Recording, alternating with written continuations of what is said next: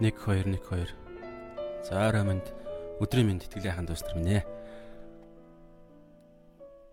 3 сарын 29-ны өдрийн мэндийг та бүгдээ хүргэе. За тэгээ бүгдээ хамтдаа өнөөдөр өнөөдрийнхөө сүнснийхээ шинчлэл хоолыг эзнийхээ үгийг бүгдээрээ сонсцгоё. Есүс биднийг аварсан тэр гайхалтай эзэн маань өнөөдөр биднэрт бидний оюун ухаанд юу хэлэх гэж байгаа талаар бүгдээрээ хамтдаа энэ цаг мөчид судалцгаая.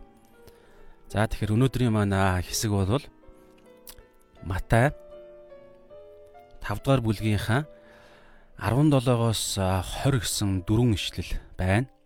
17, 18, 19, 20 тийм дөрвөн ишлэл. Энэ дөрвөн ишлэлээр эзэн нэг зүйлийг өнөөдөр бид нарт тухааруулахыг хүсэж байна. Матай номны 5 дугаар бүлгийн 17-оос 20.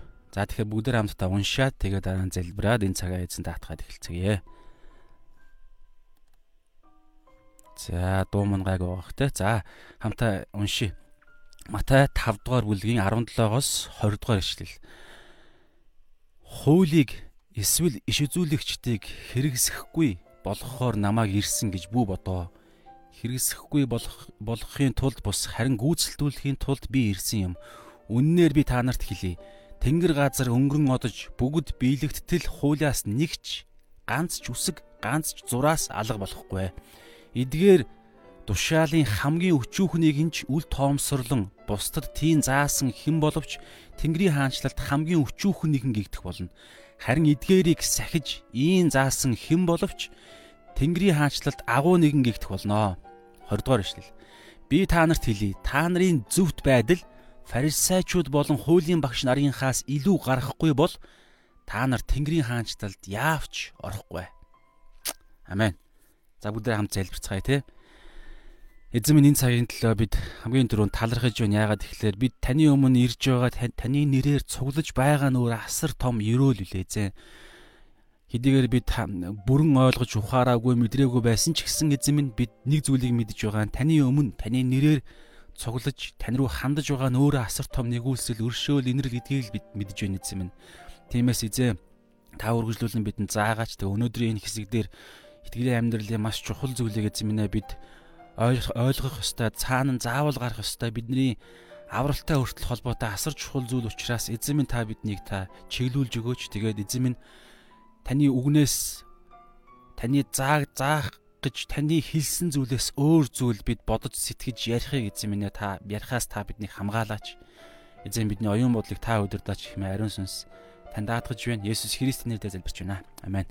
За тэгэхээр аа өмнөх хэсгээ бид нэ санаж байгаа шүү дээ өчигдөртэй юу болсон талаар эзэн биднийг газрын давс дэлхийн ертөнцийн гэрэл гэж хэлсэн те Тэгээд сайн үйлсээрээ бидний гэрэл бидний давслаг чанар нь харагдаж тэгээд энэ нь эзний алдрын төлөө байдгаа гэд.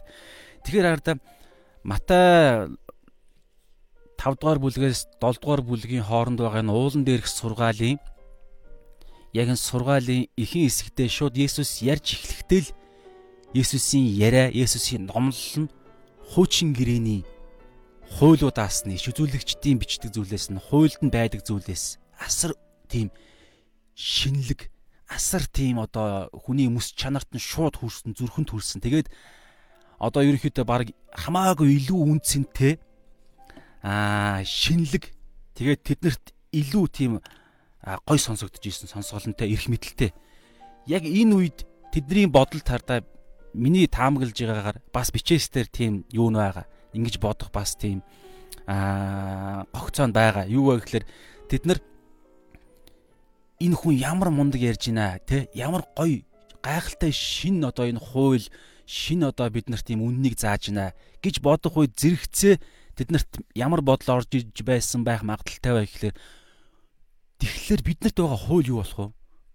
Мосегийн бидэнд өгсөн одоо энэ фарисеучуд хуулийн багш нарын өгөөд амьдралаараа дагаж мөрд энүүгээр та нар бүх юмаа химжиж яв. Энүүгээр та нар өөрсдийнхөө шалга гэдэг тэг амьдралын ингэж яв гэсэн тэр замнал зааж байгаа зүйлээс нь илүү өөр, илүү нэг тийм аа тийм нэг гайхалтай тийм нэг зүйлийг ярих үед тэгэхээр хууль яах нь вэ? Энэ Есүс одоо энэ месиач гэдэг юм уу энэ агуу хүмүүс маань хуулийг дгүүл хүчингү болох юм байна л да Яагаад тэгэхээр хуулиас нэг өөр зүйл яриад байгаа байхгүй юу? Одоо та нар бид нар мэдэн штэ. Нөгөө эхний 8 9 гөрөөлтэй гэдэг чинь тэрийг та нараа анзаарах юм бол ингээд хуулийн ярьдгаас асар өөр бүр хүний зүрх сэтгэлийн тэр нэг юм хуулийн ярьдаггүй зүйлийг хүртэл яриад байгаа байхгүй. Тэгэхээр өмнөх хууль болон хуучин гэрээний 39 ном баг тэр чигээрээ хууль болон иш үзүүлэгчид эхний 5 ном иш үзүүлэгчид гээд баг хуучин гэрээ бүхэлдээ орж байгаа.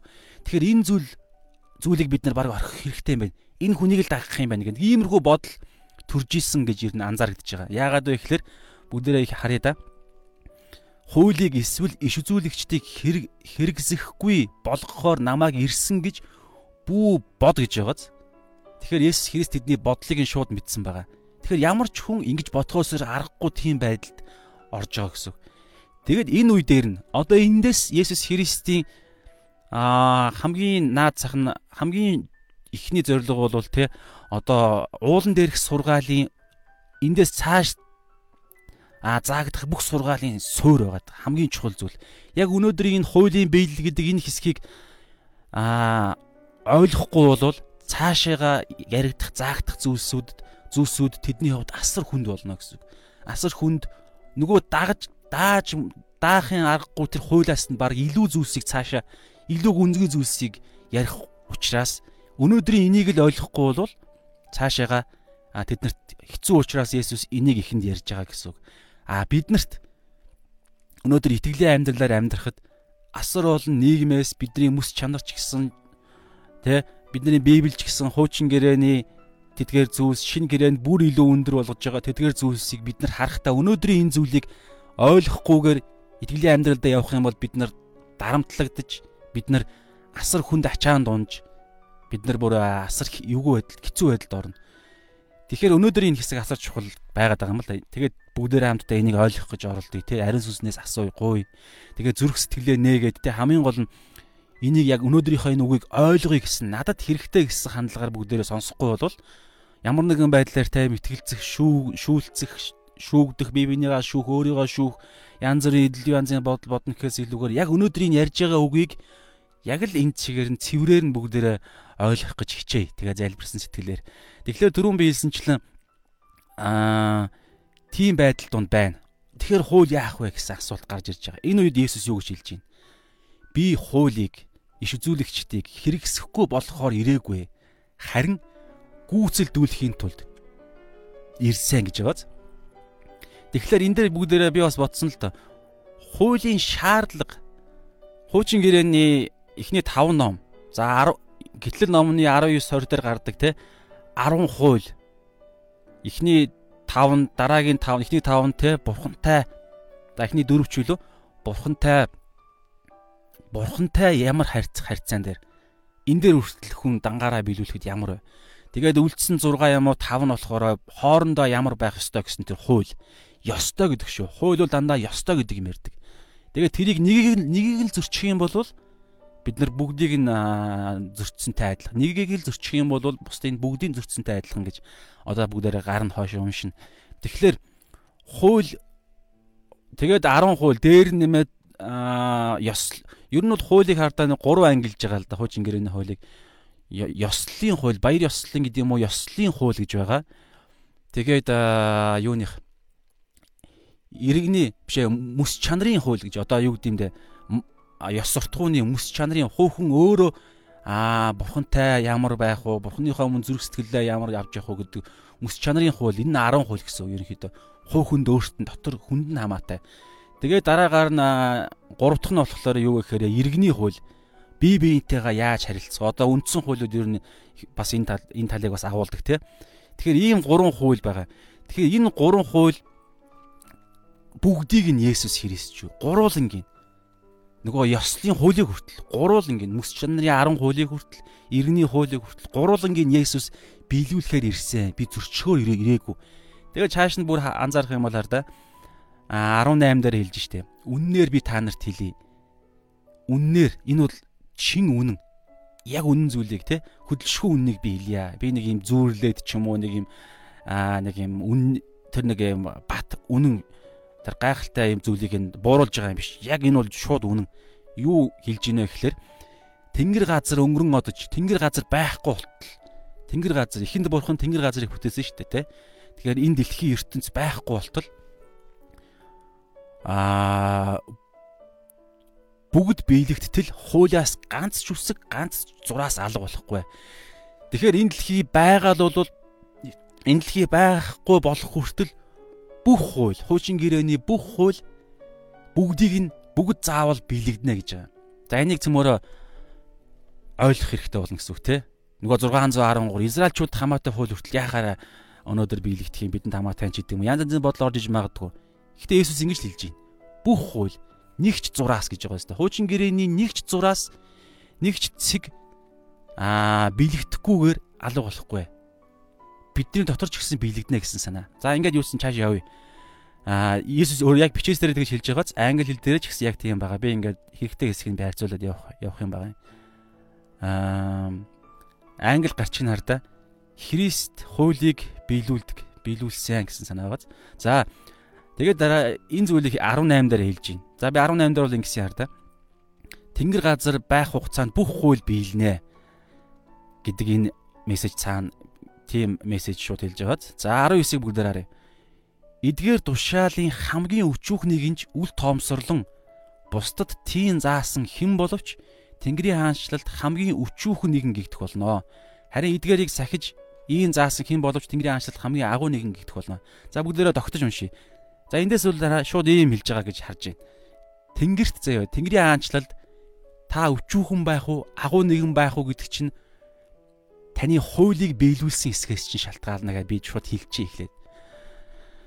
За ингээд ярих юм бол одоо бөө шууд ингээд зогсчих юм бол асар их маргаан болно, бөө юм буруу юм болно. Таны дотор буруу ойлголт төрнө. Угаасаа ингэх нь аргагүй. Яагаад гэхээр хуучин тэр нэг том ойлголтоос бид нар энэ шилжилтийг зөв ойлгохгүй бол яг энэ 19 дээр ийм л юм хэлж байгаа зү. Гэхдээ энэ ном Матай Матай номж юдэчүүдэд бичигдсэний үе бичигдсэн. Тэгэхээр харь үндэстэн бид нар тамаагүй гэж та бодох гэж магадгүй. Гэхдээ энэ шилжилт байгаа даа байхгүй? Тэрнээс гадна Аа өнөөдөр биднээс бас хамаатай. За би чааш нь ингээд юудсан ойлгосон хэсгээ танд тайлбарлана. За би та 19-ийг дахиад унш та. Эдгээр тушаалын за эдгээр тушаал гэдэгт нь хуучин гэрээний бүх тушаал орно. Түрүү хэлсэн шүү дээ. Бүгд биелэгдэл 18 дээр. Нэгч зураас нэгч цэг ал болохгүй гэсэн тий. Тэгэхээр бүгд гэсэн үг.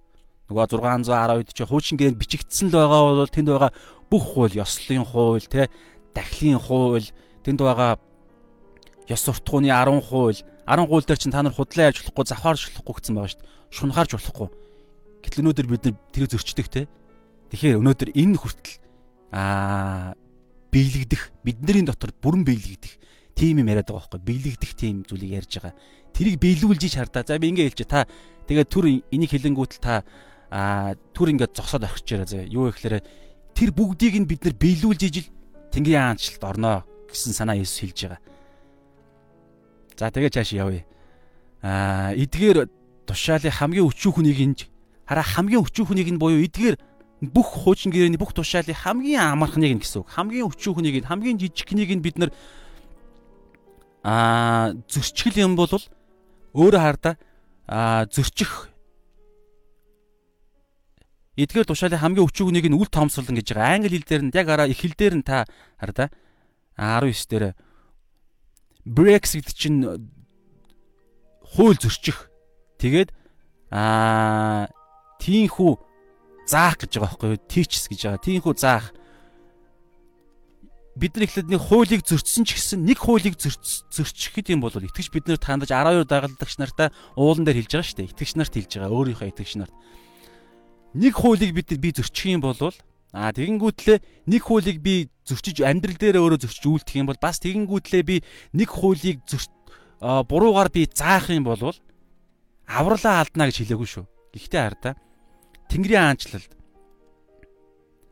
Тэнгэрийн хаанчлалд аа хамгийн өчүүхэн нэгэн гихтэх болно. Тэгэхээр Тэнгэрийн хаанчлалд нэг юм зааг байгаа юм шиг зүйл мэдэгдэж байгааз харин эдгээрийг сахиж ийм заасан хэн боловч эдгээрийг сахин үйлдэж тэгээ заахтаа хүртэл бас тийм заасан хэн боловч Тэнгэрийн хаанчлалд хамгийн агуу нэгэн гихтэх болно. За би ингээд та анзаарах юм бол өнөөдөр ишлийг бүр ингээд бүтнээр нэг зүгээр ингээд томоор нэг аа ерөнхийдөө ямар агуулгатай зүйл ярьж байгааг би хэлж байгаа шүү. Тэгээ дараагаар нь ихний ишлэл дээр орно. Тэнд бүх зүйл тайлагдана гэсэн үг.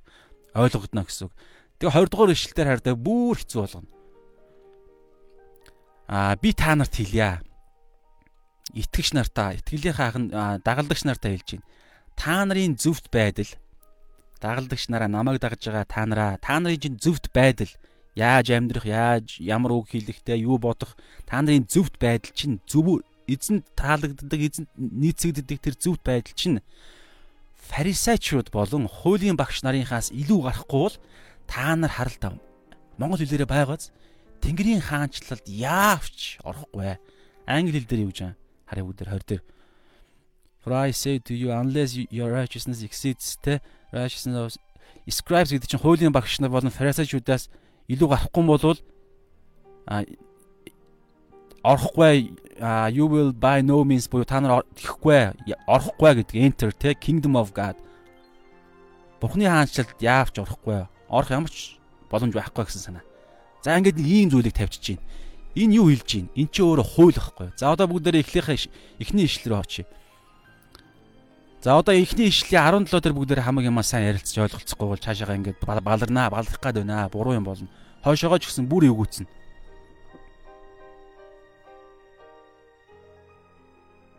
За аа За цэгийгч маань амин гэж байна. Игч цэг баяр гэдэг хүмүүс маань. За амин.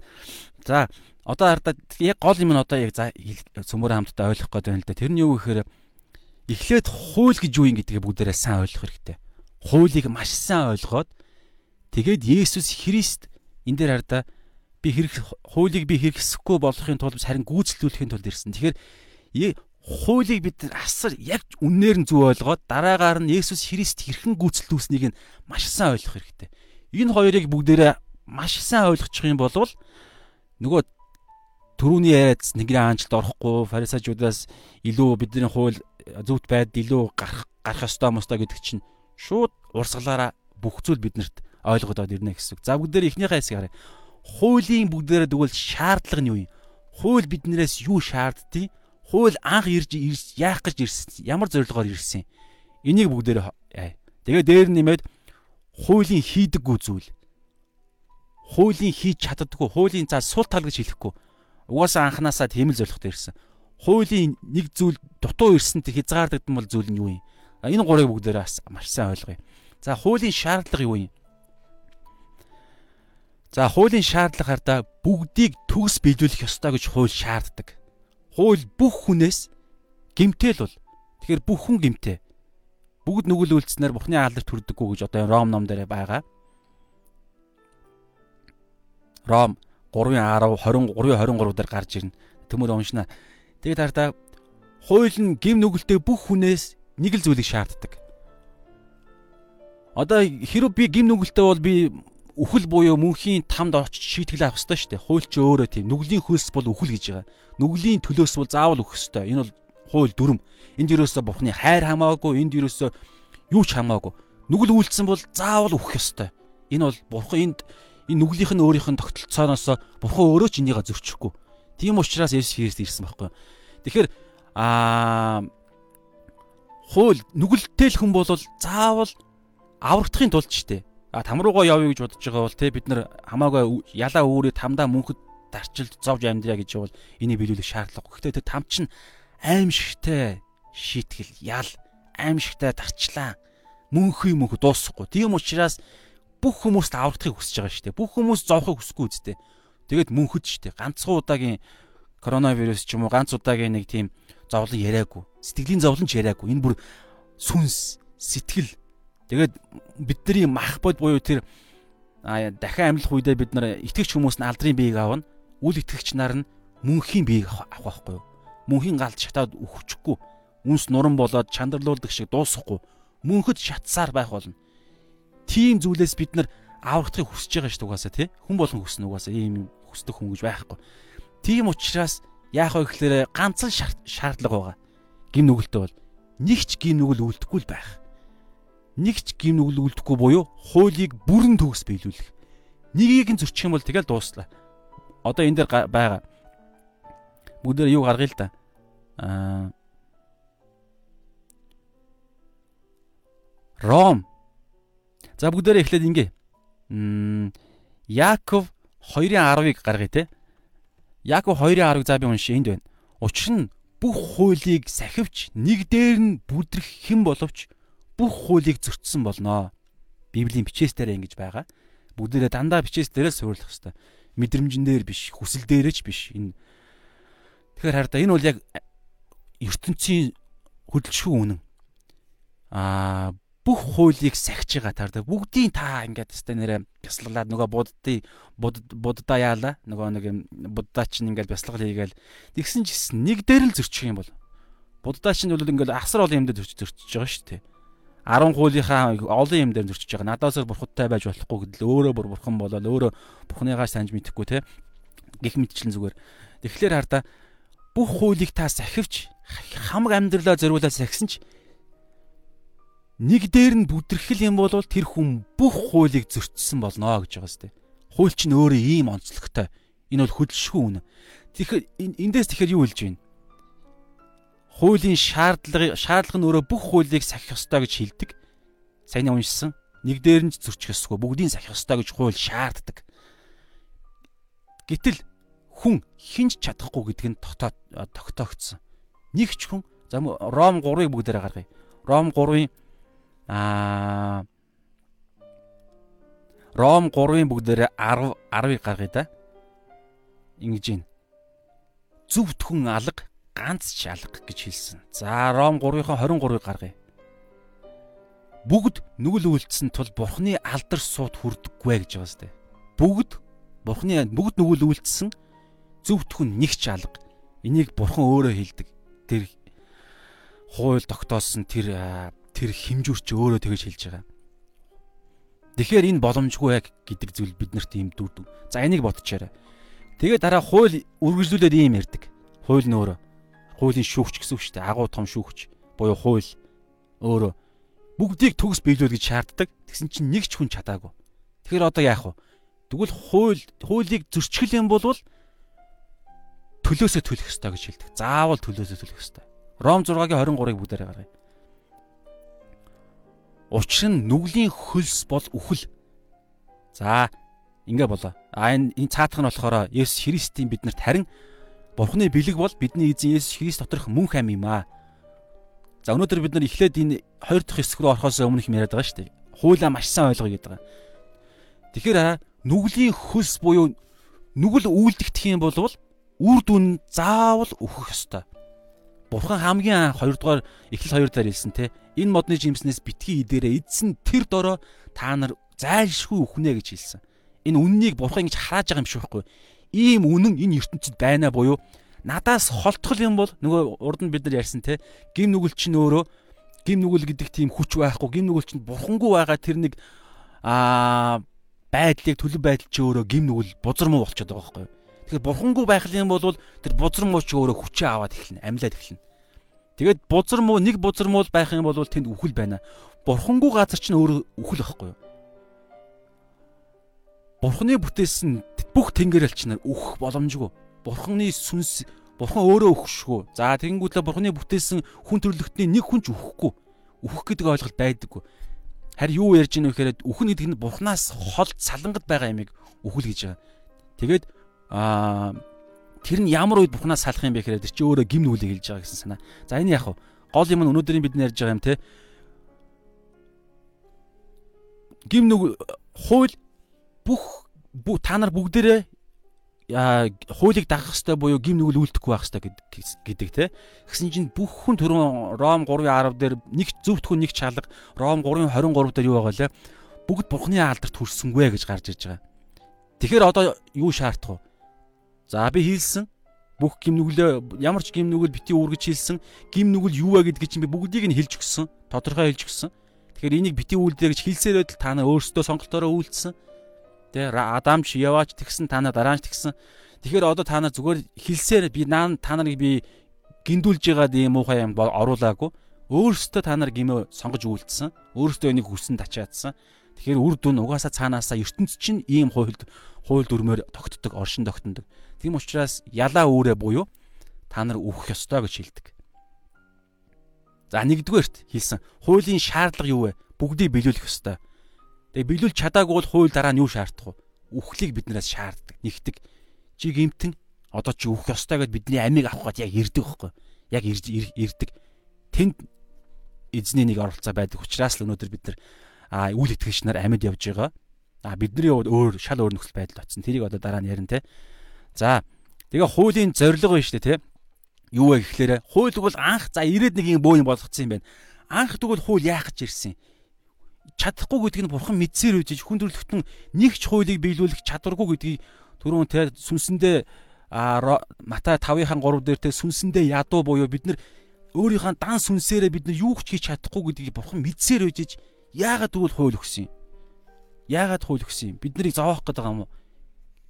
Үгүй. Хууль нь өөрөө хардаа дангаараа хуульд тийм а бузар муу юм юу ч байхгүй. Тэгээд хууль өөрөө хараадаг тийм тогтцоотой биш хууль хардаа бэлэн байгаа хараалыг л ил болгож харуулдаг. Бас аль хэдийнэ бидний өвөлддөг бидний энэ оршин тогтнож байгаа энэ гим нүглийн гим нүглийн бузар муу энэ гав гинжи гим нүгэл хууль бид нар зүгээр харуулах зорилготой. Ингиж ингэж болохгүй шүү гэж байгаа хууль дүрмээр нь бид нар амьдралаа харангуут тэднийг бүгдийг нь хийсэн байж хараад байгаа байхгүй. А хууль ирэхээс өмнө юу ч гим нүглийг би хийсэн хийгээгүй мдээгүй. Энэ мэдлэггүй байдал нь тэгвэл амар юм биш үү гэж та бодож магадгүй. Үгүй. Яагаад гэж мэдхгүй явж байгаа л бид нар мөнхийн там руу явна гэсэн. Аюул ирэх аюул байгаагийг бид нар мэдхгүй. Аюултай ямиг бид нар хийж байгаагаа мэдхгүй гэсэн. Хууль тэгэхээр зорилго нь юу гэхээр биднийг эхлээ мэдүүлэх зорилготой. Өнөөдөр таны дотор хорт хавдар байгаа гэдэг чинь оншилж танд хэлэх зорилготой. Ийм л зорилготой. Түүнээсээ таны хорт хавдар чи эдгэж чадахгүй буюу өнөөдөр хэлж байгаагаар хуулийн шаарддаг тэр та нар зөвхт бай нэг ч гин бити үүлд гэдэг юм ин хууль нь өөрөө бид нар эднийг хичнээн мэдээ тэрийг ингээ тэрийг хийх гэж оролцсон ч гэсэн хууль тэрийг хийх хийхгүй байх тийм чадвар хуульд байхгүй. За бүгдээ Ром 3-ын 20-ыг уншиж өнөөдөр хуулийн ирсэн зорилго нь энд байна. Учир нь ямар ч мах бод хуулийн үйлсээр бурхны өмнө зөвтгөгдөхгүй. Харин хуулийн тэгвэл хууль ямар учиртай байгаа юм гэхлээр хууль нь нүглийг мэдүүлэгчл юм аа. Зөвхөн мэдүүлэгчл гэж байгааз илгээд хууль нь нүглийг мэдүүлэгчл юм аа. Англи хэлээр бол зөвхөн нүглийг мэдүүлэгч. Тэгэхээр хууль танд нүглийг ч мэдүүлэх зорилготой. Энэ нь хэрэгтэй байхгүй юу? Хуучин гэрээнийхаа Есүсээс өмнөх байдалтай хүртэл хэрэгтэй. Яагаад гэвэл би гимтэн гэдгийг ойлгож мэдээд нөгөө Матай 5-ын 3 дээр байгаачлан би ямар ядуу юм бэ? Ямар бузар муу юм бэ гэдээ олж мэдэх чинь асар чухал байгаа даа. Тэрийг мэдчихэж Тэнгэрийн хаанчлал руу орох дараагийн аа зүйл юм бий болох гээд байгаа. Тийм учраас хуучин гэрээний хууль чинь нэгүсэл буюу Есүс Христэс өмнө ирсэн зорилго нь ийм том авралын төлөвлөгөө чи ингэж явж байгаа гэсэн санаа. За ингээд иймэрхүү байдалтай байна. Хууль ийм шаарддаг юм байна. Хууль үхэх гэж шилдэм байна. Хууль заавал төгс бай гэж шилдэм байна. Чадахгүй болж үхэх ёстой гэж шилдэм байна. Тэгээ хууль нь өөрийнх нь ирсэн зорилго нь бол те зүгээр л нүгэлтэн гэдгийг ч л мэдүүлэх зорилготой. Түүнээсээ нүгэл хийхэд болиулах ямар ч зорилго байхгүй. Ромын 3 Ром 3:20 дээр нь ч байна ямар ч мах бод хуулийн үйлсээр түүний өмнө зөвтгөх боломжгүй хууль ямар ч тийм чадвар байхгүй. Тэгвэл хууль нэг юм шаардж байгаа. Төгс байг шаардж чинь. Төгс байж чадаагүй хүмүүс нь үхэх ёстой гэж шаардж чинь. За энийг бодчихоорой энэ шаардлагыг нь. За эндээ шааш авъя. А тэгээд хуулийн хийдэггүй зүйл нь харъя л да бүгдээрээ. Яг гоо давт жоохон дэлгэрүүлчихэд еврей аа еврей 7-гийн За бүгдээр эндээс харчи.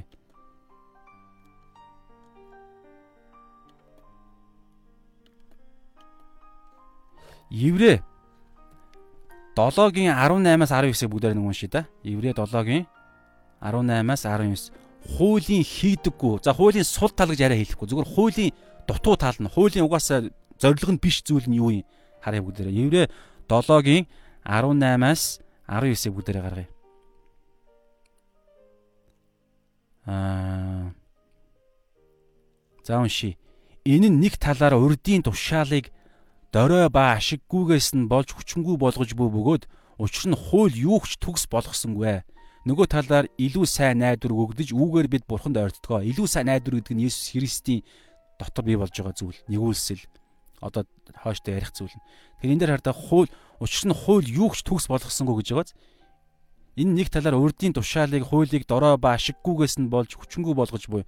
Хууль хүчингү хууль нь юу ч төгс болгоогүй учраас бидний авралт хууль хүчингү болоод байгаа байхгүй. Одоо тэр зорилгонд бол гэхдээ зорилго нь бол түрүүний хэлсэнчлэн аа бидний гимтэй гэдгийг мэдүүлэх зорилготой. Тийм л зорилготой. Өөр биднийг төгс болгох чадвар байхгүй. За ингэ бодчихоорой. Хууль биднээс тийм зүйл шаардж байна. төгс бай гэж хэлдэг мөртлөө төгс болгож чадахгүй гэдгийг түрүүн еврейдэр хэлж байна. Тэгээд төгс байж чадахгүй бол төгс болгож чадахгүй мөртлөө төгс байг шаарддаг хууль. Тэгээд төгс байж чадахгүй хүмүүсийг та нар өөх ёстой гэж хэлдэг. Эн чинь өөр юу гэхээр асар тийм хатуу. Тийм учраас хууль 10 гэрээ 10 хууль хатан дээр бичигдсэн байхгүй. Ийм аймаар хатуу, ийм аймаар хүнд, ийм аймаар ширүүн, ийм шудраг.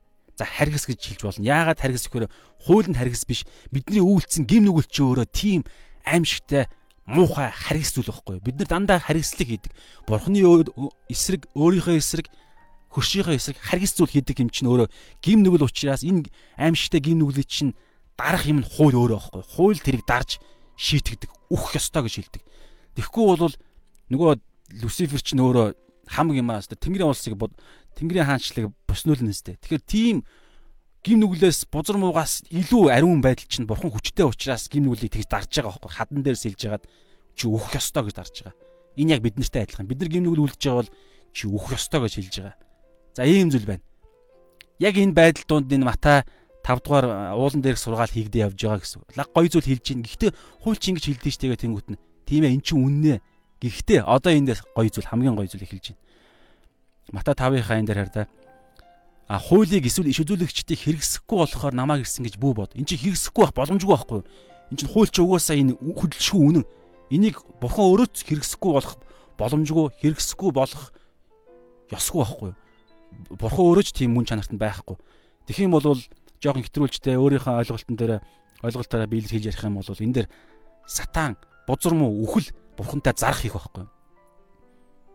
Та ингэж хэлсэн. Гим нүгэл чинь ийм бидтэй. Яагаад та шууд зүгээр өвшөөчж байгаа юм. Энэ хүн гим нүглийн тэгээд яаж шийтгэх гэж байгаа ингээд сатан хамаг юм орилоод босоод ирнэ гэсэн. Тэгм учраас бурхан шудраг учраас хичнээн хайрч гэсэн шудраг байдлыг нь заавал дагуу хайраа илэрхийлэх ёстой гэсэн санаа. За хэрэгсэхгүй болохын тулд бис харин гүйцэлдүүлэхийн тулд ирсэн. За одоо хоёр дахь цөмөрөө эхнийх нь юу байлаа бүгдээр хууль гэж юу вэ?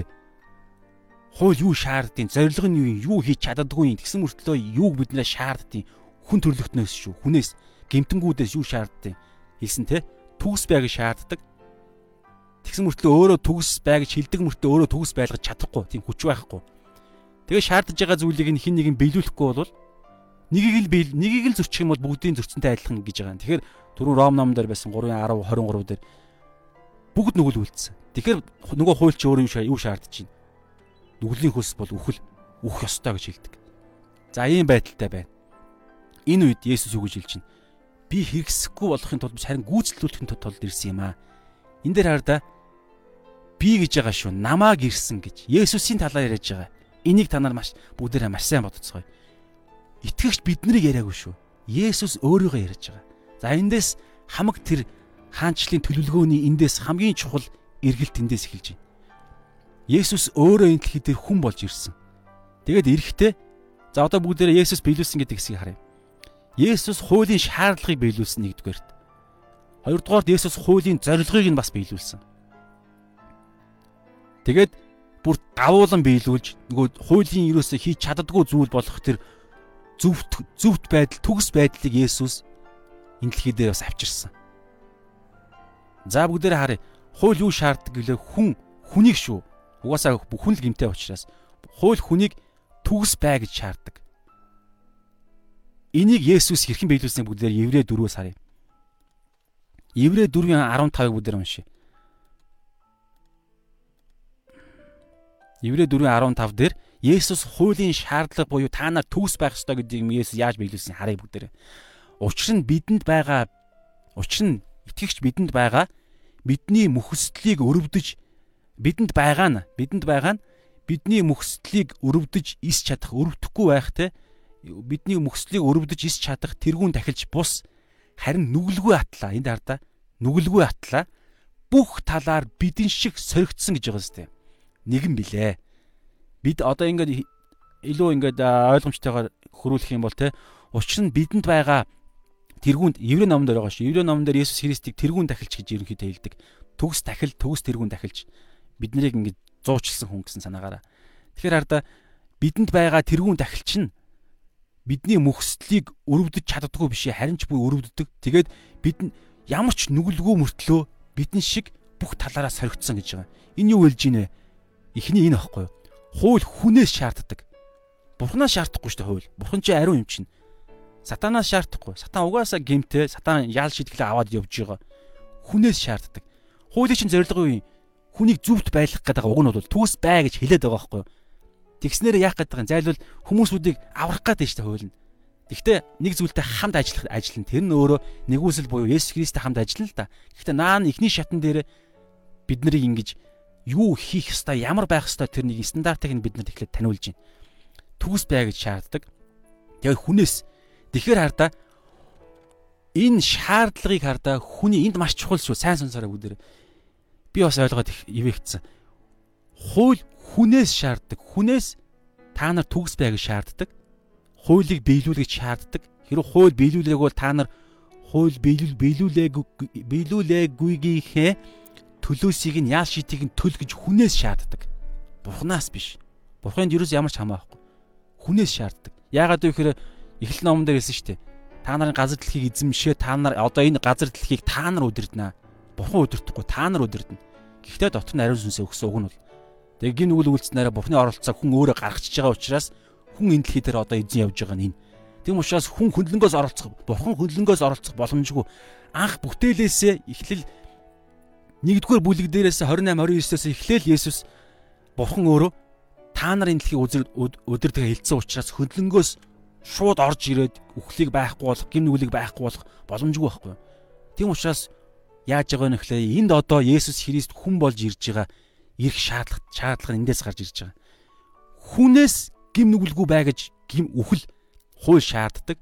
Хүнээс төгс бай гэж хууль шаарддаг. А төгс байх чадахгүй бол үхэх ёстой гэж үхэл өөрөө хүнээс шаарддаг. Тийм учраас энэ хуулийн энэ өрийг нь үхлийн энэ том шүүхэн дээд шүүхийн шаардж байгаа өр төлөөсийг нь бид нар бий төлөх ёстой шүү дээ. Тийм учраас надтай адилхан хүн бурхан хүн бурхан өөрөө хүн болж ирж байгаа юм дээр байхгүй. Тэгээд хардаа Иврэ 4:15 дээр хардаа бүх талаараа бидэн шиг гэж байгаа зү. Бүх талаараа шүү. Та өнөөдөр гин нүглийн ямар сорилтоор соригдож байна? Бурханыг та бурхан байсан юм чинь би бол бурхан биш юм чинь би илүү хэцүү байгаа. Есүс өөрөө бурхан байсан юм чинь бас амархан байсан штэ гэж бодож иж магадгүй. Үгүй. Есүс 100% хүн байсан. Тэгээд бүх талаараа гэж байгаа зү. Бүх талаараа тэгээд бидэн шиг. Бүх тал гэдэг таны бодож болох бүх төрлийн сорилт гимнүглүүд чинь орно. Завхаарл орно, хулгай орно, хүн аллага орно. Бүх талаараа Есүсийг сатан сорих тэр дээгүр нисэж байгаа шуу шиг ингэж сорих зүйлүүд нь бий болсон гэсэн үг. Гэхдээ Есүс хизээч тэрийг толгой дээрээ суулгаж үүрээ засахын зөвшөөрөөгүй буюу гим нүгэл хизээч Есүс хийгээгүй. Сорилт нөгөө нэг цөлд гурван сорилт ирэхэд Есүс сорилт нь ирж байгаа юм. Бүх талаараа соригдсон гэдэг шиг. Тэгээд бидэн шиг соригдсон. Тэгээд хартаа харин нүгэлгүй гэж байгаа зү. Есүс нэгч нүгэл өгүүлдэг байхгүй. Тийм учраас хардаа Есүс энүүгээрээ нөгөө хуулийн шаардж байгаа зүйлсийг чинь нэг хүн биелүүлсэн байхгүй юу? хүн төрлөختний түүхэнд ганцхан хүн биелүүлсэн. Тэр нь 100% бурхан мөртлөө 100% хүн болж ирсэн Есүс гэдэг тэр нэгэн биелүүлсэн. Хүнээс төгс байг шаарддаг. Еврей тэгсэн чинь Еврей 4:14 Есүс нүгэлгүй байсан. Тэгээ өөр Библийн олон газар байгаа. Есүс төгс байсан бохоггүй. Тэрээр төгс байсан. За хуулийн шаардж байгаа тэр төгс бай ганц гинүгэл бити үйлд гэдэг зүйлийг нь Есүс биелүүлсэн юм байна. За хуулийн энэ шаардлагыг биелүүлсэн. Тэгээд зогсоогүй Есүс. Яасан гэж? Есүс өөрөө ганцаараа энэ дэлхий дээр ирээд зүгээр өөрөө өөртөө батлаад өөрөө өөртөө хуулийг биелүүлэл тэгэл хуулийг биелүүлсэн учраас өөрөө зөвхт байдлаа аваад дээшээ явах зорилготой ирсэн юм уу? Ямар ч шаардлагагүй шүү дээ. Бурхан өөрөө гол зорилго нь юу юм? Эхнийх нь хуулийн шаардж байгаа зүйлсийг биелүүлсэн. За би хуулийн шаардж байгаа төгс бай, нэгч гин бити үйл гэдэг юмыг нь хүн байдлаар ирээд боломжгүй тэр байдлаар ирээд өөрөө биелүүлж чадсан. Тэгээ цаашлаад бусад хүмүүс бусад хүмүүс нь өөрсдөө бүгд Есүсээс бусад бусад бүх хүмүүс бүгдээрээ гимтэнгүүд байхгүй юу? Бүгд тэр хэмжүүрт хүрээгүй. Ром 3-ын 10 23 дээр байсан те. Тэгэд энд яасан бэхээр Есүс чаашаа бүр алхаад өөрөө гимгүү мөртлөө гимтэн хүмүүсүүдийн оронд дахил болж нөгөө нэг а гим нүглийг төлөөсийн Есүс өөрөө төлж дахил болж Есүс а өөрийгөө а бидний гим нүглийн төлөөсөнд өөрөө золиослогдож өгж байгаа байхгүй. Галаат 3-ын 13-ыг бүгдээр харъя. Галаат 3-ын 13-ыг харъя бүгдээр. Яаж Есүс Христ бидний өмнөөс хараал тэгээ бидний өмнөөс ял шитгэлийг үүрсэн юм. За 3-ын 13-ыг бүгдээр харъя. Христ бидний төлөө өөрийнх нь төлөө биш байхгүй. Есүс өөрөө ямар ч тийм шаардлагагүй зөвхт гим нүглийг төгс биелүүлсэн. А зөвхт байдлыг төгс байдлыг биелүүлж гим нүглийг бүгдийг нь төгс биелүүлээгүй эсэргүүцэж чадсан. Тэг тэгсэн мөртлөө даарда Христ бидний төлөө хараал гэж байгаа сте. Хараал болсноороо биднийг хуулийн хараалаас золсон буюу биднийг чөлөөлж авсан юм а. Төлөөсийн төлж өөрөө золиос болж биднийг авсан юм а. Учир нь модон дээр үлгөгдсөн хүн бүр хараагдсан юм гэж бичигдсэн байдаг. Есүс Христ загалмаа дээр модон дээр үлгөгдсөн шүү дээ. Гэмтэн хүн л зөвхөн гэмтэн гэдэг нь бурхны хуулиар шүү. Батлагдсан хүн л яг хуулиар батлагдсан хүн л а тэр загалмаа дээр а тэр хараал болж үлгөгдөх ёстой байдаг. Есүс тэгвэл батлагдсан юм уу? Үгүй. Нэг талаараа үгүй. Угаасаа үгүй. Гэхдээ хараал болсон юм шиг а гимтийн юм шиг явсан байхгүй. Яагаад гэвэл тэнд чинь тэр хууль нь өөрөө а хууль нь өөрөө бүрэн бүрэн тэр нь одоо юу гэдгийг зөвхт амьдралыг биш байхгүй. Тэр зөвхөн сүүдэр одоо хойно гарна. Зөвхөн сүүдэр учраас яг бодтой тэр наривчилсан өнгө ялгарл зөвхөн нэг юм сүүдэрчийн хар бараал юм гадна хүрээ байдаг штеп. Түүнээсээ би ямар нүдтэй нүдний шил зүйлс юм уу энэ дээрээ ямар нэг мингтэй юм уу энэ дээрээ саривтай юм уу энэ дээрээ кармата юм уу харуулах ямар ч чадвар байхгүй хуулинд. Тийм учраас Есүс Христ ч өөрөө бүр хуулиас давсан жинхэнэ жинхэнэ зөвхт байдал нь учраас зөвхт байдлын сүүдэр болох төр хууль бол энийг хийж чадаагүй. Тэгэхээр Есүс Христ хараал болж бидний өмнөөс бидний төлөөсийг төлсөн. Тэгээ хуулийн шаардлага хардаа хууль хоёр зүйлийг шаарддаг гэсэн шүү дээ. Нэгдүгээр төгс байг шаарддаг. Хуулийг төгс биелүүлэх шаарддаг. Энийг Есүс өөрөө хүн болж хүнээс шаарддаг учраас бурхан өөрөө бурханы хүү өөрөө бурхан өөрөө хүн болж ирээд төгс биелүүлсэн нэгдүгээрт нь. Хоёрдугаарт нь хууль төгс биелүүлж чадахгүй бол үхэх ёстой гэж шаарддаг. Тэнгүүт нь Есүс өөрөө төгс биелүүлсэн мөртлөө төгс биелүүлээгүй хүмүүсүүдийн өмнөөс Есүс өөрөө хараал болж үхсэн. За энэ дахил дахил дахлын нэг юм бидний оронд өгчөж байгаа юм. За тэгэнгүүтлээ хуулийн зорилго нь юу вэ? хуулийг хуулийг бидний зүрхэнд хууль хуулийн зорилго нь бол өөрөө уг нь бол юу байхгүй биднийг зөвхт байлгах гэсэн бидний амьдрал ийм байгаасаа тийм байгаасаа гэсэн нэг тийм зүйл ярьдаг. Тэгээд Есүс өөрөө хараа хуулийн зорилгыг аа бүр ингэж бодиттой бүр давуулан биелүүлснийг нь бүгдээр хэдийн ишл хараатах юм. Хуулийг бидний зүрхэнд сийлсэн. Аа хууль ариун сүнсээ бидний зүрхэнд байрлуулсан учраас бидний зүрхэн дотроос хуулийн нэгтэг амьдралын нэгтэг энэ хуулийн нэгтэг зүйлийг бидний зүрхэнд эхлээд байрлуулсан. Бидний хуулийг биелүүлсэн учраас биш. Бидний зүрхэнд эхлээд өөрөө бидний зүрхэнд нөгөө хадан дээр биш зүрхэнд маань эхлээд өөрөө сийлсэн бурхан. Нэгүслээрээ сийлсэн. Тэгээд бидний итгэх үед Есүс Христэд итгэх үед бидний дотор ариун сүнсээ өгснөөрөө бидний дотор байгаа ариун сүнс маань өөрөө биднийг шинчилж хуулийг биелүүлж эхэлж байгаа байхгүй. Ийм зорилгыг аа биелүүлсэн гэсэн санаа. Бүгдээрээ Колосе 2-ын 16-аас 17 уншаадах юм. За. За нилээн хүнд явж байгаа баах гэж бодож байна. Хүнд явах жоо ойлгоход хэцүү байж магадгүй. Гэхдээ энэ өөрөө бидний асар чухал зүйл. Энийг заавал ойлгох хэрэгтэй байна. Хэрвээ та өнөөдөр энэ ярьж байгаа зүйлийг ойлгохгүй бол дахиад үздэг ч юм уу эсвэл энэ ишлүүдийг ингэж харж байгаа та судлаарай. Хүмүүсүүдээс асуугаарай. Асар чухал зүйл явж байгаа шүү. А Колосе 2-ын 16-аас 17 дээр хараа. За энэ дээр ерөнхийдөө нэг ийм зүйл байгаа юм. За би уншчих. Тимд та нар энэ нөгөө нэг гурван хууль байгаа шүү дээ. Ёслолын хууль хууль бас энэ талаараа ярьж байгаа шүү. Ёслолын хууль а та нар амралтын өдрийг шабат өдөртөө амралтын өдрийг сахих ёстой мостой гэсэн тий. Тиймд бол идэж ууж болохгүй болохгүй гэсэн хуучин гэрээний хууль хүртэл өнөөдөр бидний дотор биелсэн гэдгийг ерөнхийдөө хэлж байгаа байхгүй. Тиймд та нар хоол унд. Эсвэл баяр, шин сар, амралтын өдрүүдээс болж хинээрч бүү шүүгдээ бити яллагдаа та нар тэг шүүхгүй дэвэл та нар гэж байгааз энэ та нар гэдэг чинь маш чухал. Есүс Христийн дотор орсон хүмүүс Есүс Христийн ариун сүнсийг тээсэн хүмүүст хандж хэлж байгаа. Та нар бүү шүүгдээ. Эдгээр нь ирж буй юмсын буюу Есүс Христийн дотор байгаа тэр зөвхт амьдралын төгс байдлын зөвхөн сүүдрэн юм аа байсан юм аа. Сүүдрэн л байсан. Харин бие нь буюу яг жинхэнэ байдал гэж байгаа. Англи хэлээр reality буюу яг жинхэнэ тэр сүүдэр биш жинхэнэ бодит юм нь Есүс Христийн дотор байгаа юм а гэж хэлсэн байдаг. Энд дээр яг Есүс Христийнх гэсэн байна. Англи хэлэн дээр Есүс Христийн дотор тэр жинхэнэ бодит байдал нь байгаа гэж хэлсэн байдаг. King James дээр. Тэгэхээр нөгөө яриад байгаа харалта бүр амралтын өдрийн хууль нөгөө тийм хоол идэж болохгүй тэх ёстой мостой гэсэн тэр Израильчуудад хүртэл хамаатай тэр Монгол монголчуудад харин үндэснүүдэд хамаагүй зөвхөн израилчуудад хамаатай гэдэг тэр хуульчийн хүртэл Есүс Христийн дотор биднэрт биелсэн байхгүй юу? Бид нар бүр давуулан биелүүлж байгаа. Давуулал биелүүлэх боломжтой. Есүс Христийн дотор байгаа цагт Есүс Христийн дотор байгаа бол таны зүрх чинь айл хэдийнэ таны махан зүрхэнд чинь хуулийг тэр чигээр нь бүр яг төгс байдлаар таны хууль бичигдсэн байгаа.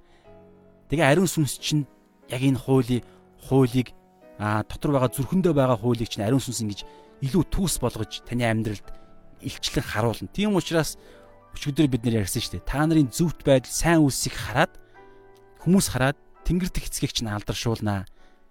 Тэгээ эн чинь өөрөө гэрэл давс байгаа. Тэгэхээр гэрэл давс яаж байх юм гэхээр бид нар бас нэг талаараа нэг илэрхийлэлээр ярих юм бол бидний хуулийг биелүүлснээр байгаа даа зү. Хуулийг биелүүлнэ. Гэхдээ бүр хуулийн өртөн биш шүү. Хуулийг бүр нэг хүртэл ингээд чэйлэх ямар ч шаардлага байхгүй. Та ариун сүнсээр явж байгаа цагт Есүс Христийн дотор байгаа цагт ариун сүнс таныг удирдах байгаа бол та бүр төгс биелүүлнэ. 613-ыг бүр хэд давуулж биелүүлнэ. Хэд үржүүлж та биелүүлнэ гэсэн санаа. Тим танд тийм чадвар өгөгдсөн гэсэн санаа. За тэгээ энэ бүгд нь зөвхөн итгэлээр одоо бид хууль биш итгэл дотор байгаа. Хуулийн дотор биш харин итгэл дотроо бид нар хуулиас чөлөөлөгдсөн гэдэг энэ санааг Галаат дээр хэлж байгаа. За ерөнхийдөө нэг иймэрхүү зүйл эхний байдал дээр бууж ийн. За тэгээ зарим ишлүүдийг би бас уншсангүй те.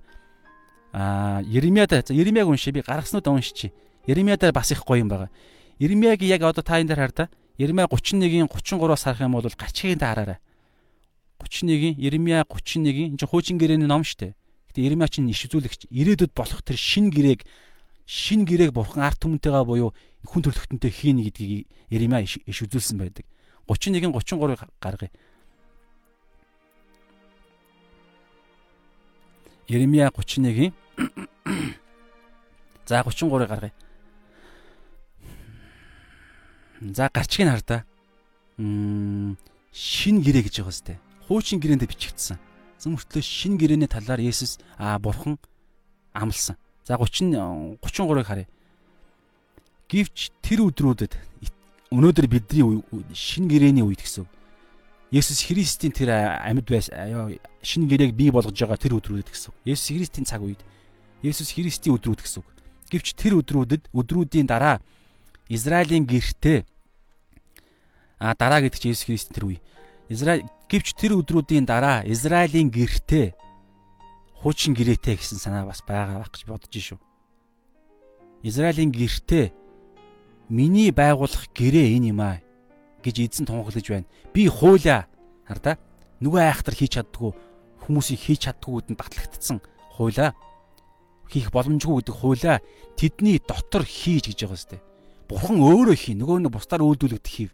Тэд нар өөрсдөө хуулийг биелүүлж чадахгүй байгаа учраас би өөрөө хуулийг тэдний дотор хийж байрлуулж дотор чинь зүрхэнд чинь байрлуулж би тэдгэрийг зүрхэн дотор чинь зүрхэн дээр нь бичнэ гэж байгаа юм. Махан зүрхэн дээр нь би тэдний бурхан тэд миний ард түмэн болноо.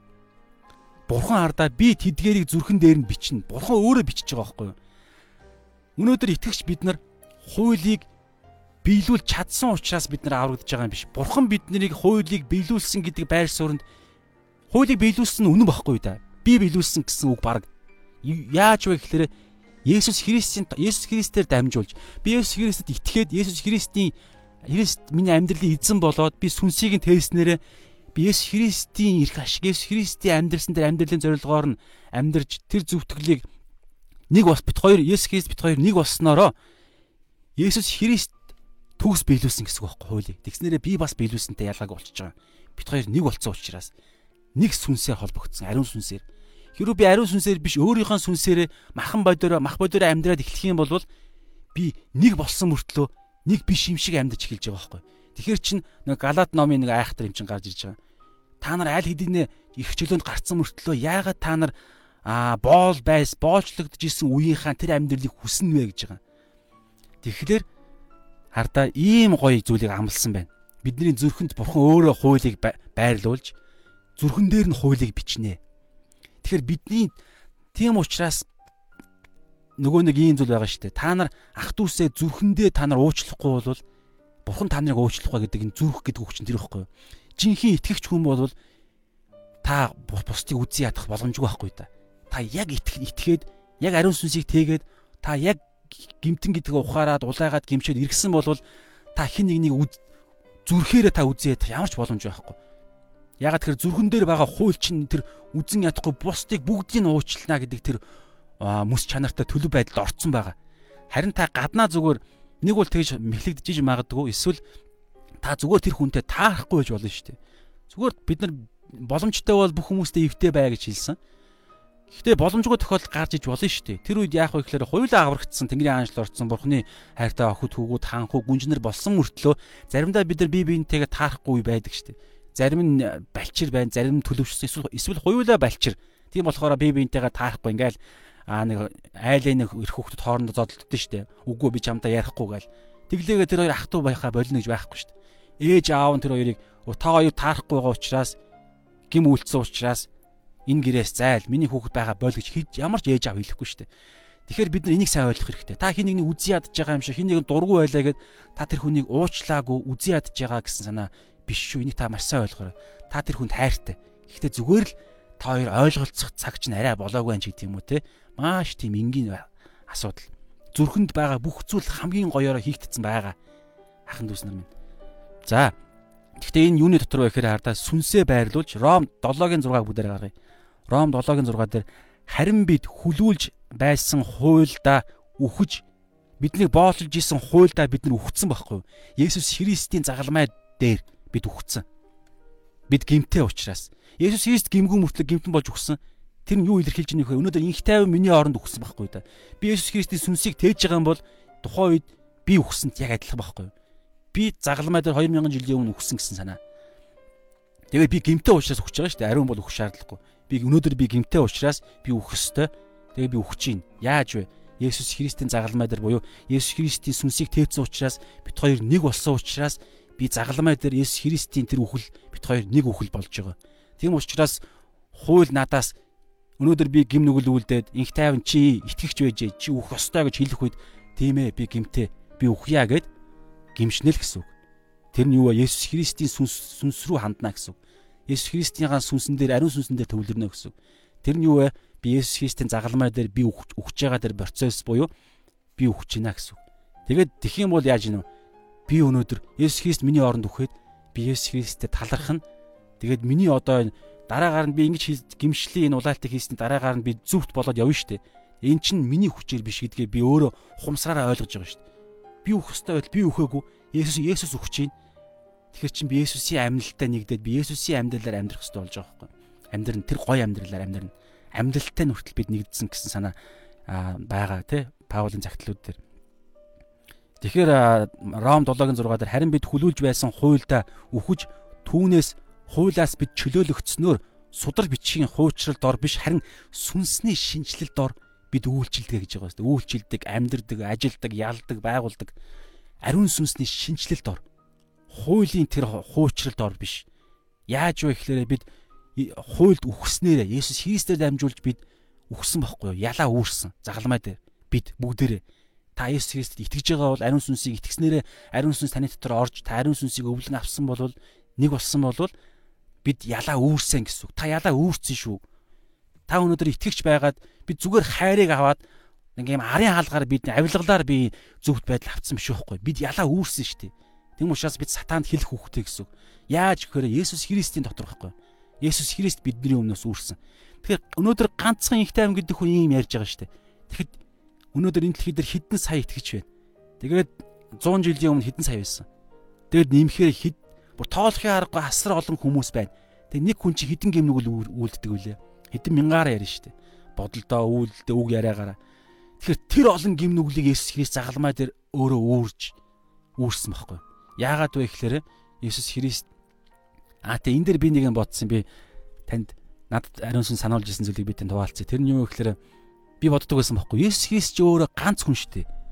Тэгэхээр нэг хүний золиос ам нэг хүнийг нэг хүний амийг нь лаврахгүй гэж юу? Яагаад хоёр хүн, гурван хүн, бүр хэдэн сая хүн бүх дэлхийн үнийг Есүс Христ аварсан болж таарад байгаа юм. Над ингээд тийм эрүүл ухаан учир шалтгаан шалтгаанд ингээд буухгүй байгаа байхгүй. Тэр үед та ингэж хэлж магадгүй. Учир шалтгаанд бүх зүйл ойлгох галбгүй зүгээр итг гэж хэлж магадгүй. Тийм ээ итгэн л дээ. Гэхдээ би яг ариун сүнсээр би тэрийг ариун сүнс дотор ариун сүнснээс би зүг газараасаа зүг их усүрээсээ асууж байгаа учраас ариун сүнс надад учир шалтгаанаар дамжуулж энийг ойлгуулж чадна гэдэгт би итгэж ирсэн учраас би яг асуухад надад бол нэг ийм тайлбар орж ирж ирсэн. Аа та энийг хэр ойлгож хэр санал нэгтгэх юм байгаа. Тэгээ энэ тайлбар маань цаашдаа үргэлжлүүлж улам илүү боловсрно л доо. Яг одоогийн байдлаар надад ямар тайлбар орж ирсэн бэ гэхээр тийм ээ үнэ. Хуучин гэрээнд ингэдэг байсан шүү дээ. Аа гимт гимтэн израилчууд ч гэхдээ нэг хүн за өнөөдөр би Израиль амьдарж байгаа нэг нэг юдэ хүн байлаа гэж бодъё. Өнөөдөр инх тайван гэдэг юдэ хүн нэг гим нүгэл би түрүүн үлдчихлээ. За би одоо юу гэдэг ихнэрээ зодчлоо ч юм уу та эсвэл би цавхаарчлаа. Эсвэл би тэг тамхи татчихлаа ч юм уу. Хар тамхи татчихлаа. Яа тийм мөхөн алдсан ч юм уу те. Гэхдээ санамсаргүй байдлаар ч юм уу те. Тэгэнгүү за би нэг гим ямар ч хамаагүй нэг гим нүгэл үлдлээ. Тэгвэл тэр гим нүглийнхаа төлөө шүү дээ. Зөвхөн тэр гим нүглийнхаа төлөө би ямар ч өө сэвгүй согохгүй. Төгс гэсэн үг байхгүй төгс тийм хураг. Эсвэл бод мал бог малын тэр амтнаар би толгой дээр нь гараа тавьж хагаад тэгээд би өөрөө тэр амтныг би алах хэвээр. Одоо яа хаан туханд нь хутгаа зоод тийм хоолойг нь хэрчдэг ч юм уу? Би алах хэвээр. Энийг би алж явах үедээ би надад юу мэдрэгдэх вэ би өөрөө гимтэн мөртлөө энэ би гим үлдээгүй энэ хург гим үлдсэн ингээд тухайн түрүүн үлдсэн гим нүглээ би энэ хурган шилжүүлээд хургийг би алж шít. Энэ үед надад ямар мэдрэмж төрөх вэ? Би гимшин үсттэй. Яана би ийм гой амтныг би алчлаа. Түрүүний гим үлдсэн гим нүглээсээ. Тэгээ ийм процесс явагдаж байгаа байхгүй. Тэгээд би тэгээд тэр малын хуран амтных нь малнаас нь махнаас нь би бас тухайн гимтэн бас өөрөө иддэг юм байсан тий. Тэгэхээр тэгснээр хураг бит хоёр нэг болно Тэгээ би өгч байгаа гэсэн санаа. Толгой дээр нас гараа тавьж ин бит хоёр нэг болж байна гэсэн санаа. Тэгээд цаг хугацаа өнгөрлөө маргааш нь гим нүгэл үйлдэлээ би дахиад энийг тавтана. Ингэжиж эн чинь өөрөө гим нүгэл ийм шаарддаг байхгүй юу? Гим нүгэл өөрөө. Израильчууд чинь тийм амар шашинлаг гэдэг байгаа юм биш ээ. Гим нүгэл чи өөрөө хүн төрлөختний гим нүгэл ийм л юм шаарддаг. Та нэг гим гим нүгэл үйлдэлээ заавал цус урсах ёстой. Хучин гэрээнд тийм зүйлийг бурхан бий болгож ирсэн. Сүүдэр нь агуу төгс дахлын сүүдэр нь тийм байсан одоо шинэ гэрээнд Есүсийн үед төгс хург болсон Есүс ямар ч өө сэвгүй буюу согохгүй буюу ямар ч гим нүгэлгүй Бурхны хург буюу Есүс Бурхны хүү бидний өнөөс өгч байгаа. Тэгээд толгой дээр нь гараа тавьж байгаа буюу бид Есүст итгэж байна. Тэгээд махыг нь идж байгаа буюу Есүс Христийн үгийг нь бид итгэж байна. Үгийг нь бид үгэнд нь итгэснээрээ бид үг нь мах бод болон энэ дэлхийд ирсэн гэдэг Йохан дээр байгаа шүү дээ. Тэгэхээр Есүс Христийн та үгийг үгийг нь итгэж зүрх сэтгэлдээ хүлээн авч түүгээр бид нар өөрсдийнхөө өөрчилж тэгээ бид нар амьдралдаа хэрэгжүүлж байгаа эн чинь өөрөө Есүс Христ миний дотор бодтой болж бит хоёр нэгдэж байгаа гэсэн санаа байхгүй. Хэрвээ ингэхгүй бол ийм процесс тэгээ дээр нь бас нэг хамгийн чухал ойлгосон юм нь ариун сүнсэн дээр байгаа. Ариун сүнс. Хардаа бурхны та зан чанаруудыг судалж исэн бол мэдж байгаа. Бурхан бүгдийг мэддэг чанар зан чанартай. Өнгөрсөн одоо ирээдүйн 3 цаг хугацаа гуруула түүний өмнө нэг бодиттой нэг юм харагддаг. Шулуун шуурн дээр. Бидний хувьд өнгөрснийг харах боломжгүй, өнгөрснөрөө очих боломжгүй шүү дээ. Бурхны хувьд зүгээр л нэг юм. Тийм агуу. Тэгээ дээр нэмээд бурхан нэг цагт хардаа олон газар зэрэг орших боломжтой. Сатан чаддаггүй. Тийм учраас сатаанд асар олон чөтгөрүүд байгаа. Чөтгөрүүд нь элдв янзын юм хийгээ явах. Тэрнээс гадна бидний дотор байгаа нэг үр байна л та. Гмийн үр чинь бас хамгийн юм хийж байгаа. Тэгэхээр бурхан өөрөө нэг газар олноо нэг газар зэрэг хаасаагүй орших чадaltaй. Үхсдийн оронд хүртэл байдаг гэж байгаа шүү дээ. Хаавгаа нэг эзгүй арал дээр хүртэл байгаа.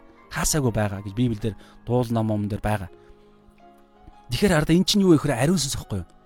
Есүс хэлсэн шүү дээ, тэ. Би дээшээ явах нь та нарт ашигтай. Та нарт ашигтай гэж хэлсэн тэ. Яагаад ашигтай вэ гэхээр хэрвээ Есүс Христ энэ дэлхий дээр байх юм бол нэг л хүн байгаа үстэй өнөөдөр Есүс Христ амьд өнөөдөр ирлээ гэж бодоход Израиль байж гин. Есүс Христ рүү очихын тулд бид нар онгоцоор явах шаардлагатай болно. Тэгээ бөөн очор, бөө юм болно. Гэтэл яагаад Есүс Христ явах нь ашигтай вэ гэхээр нэгдүгээрт хэлсэн нь аа та нар миний зарим одоо ярьж байгаа зүйлсийг би ярьсан ч та нар ойлгохгүй гэж хэлсэн. Энэ нь ариун сүнс нь ч өөрөө бидний дотор ороод тослогоо болж бид нар тайлбарлана. Одоо өнөөдөр ярьж байгаа энэ зүйлийг та ариун сүнстэй бол та нэг ойлгож байгаа гэдэгт би итгэлтэй байна.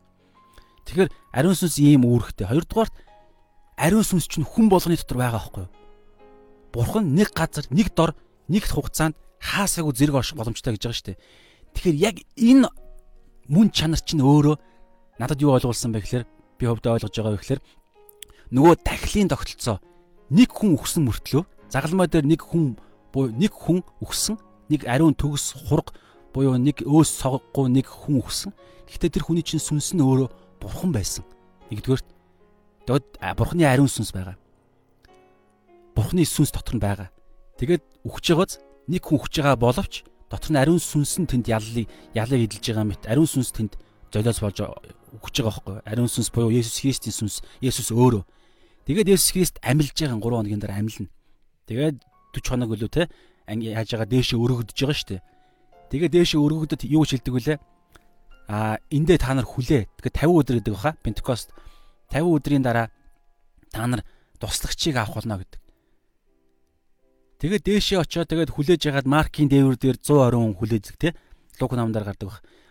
Тэгээд тэд залбираад эхлэнгүүтэл тэнд хариун сүнс буухдаа Есүс дээшээ ганц ганц хүн дээшээ явсан бол будж ирэхдээ итгэгчдийн тоогоор хэд байх нь хамаагүй. Итгэгчдийн тоогоор бууж ирж байгаа байхгүй. Энэ юу вэ? Нөгөө нэг бурхан нэг дор хаасайг орших чадвар чинь энд илэрж байгаа. Бурхан хүн болгоны дотор ариун сүнсээр оршиж байгаа. Энэ юу гэсэн үг вэ? Хүн болгоны ариун сүнсээр дотор нь оршиж байгаа ариун сүнсээр дамжуулж хаашаа холбогдож ийн буцаж ийн. Загалмай руу. Тэгэхээр бид нар ариун сүнстэй л бол ариун сүнсний тэр золиос бол загалмай тэр золиос болсон тэр зүйлтэй шууд холбогдож байна гэсэн үг. Ингэж надад ойлгуулж ирсэн.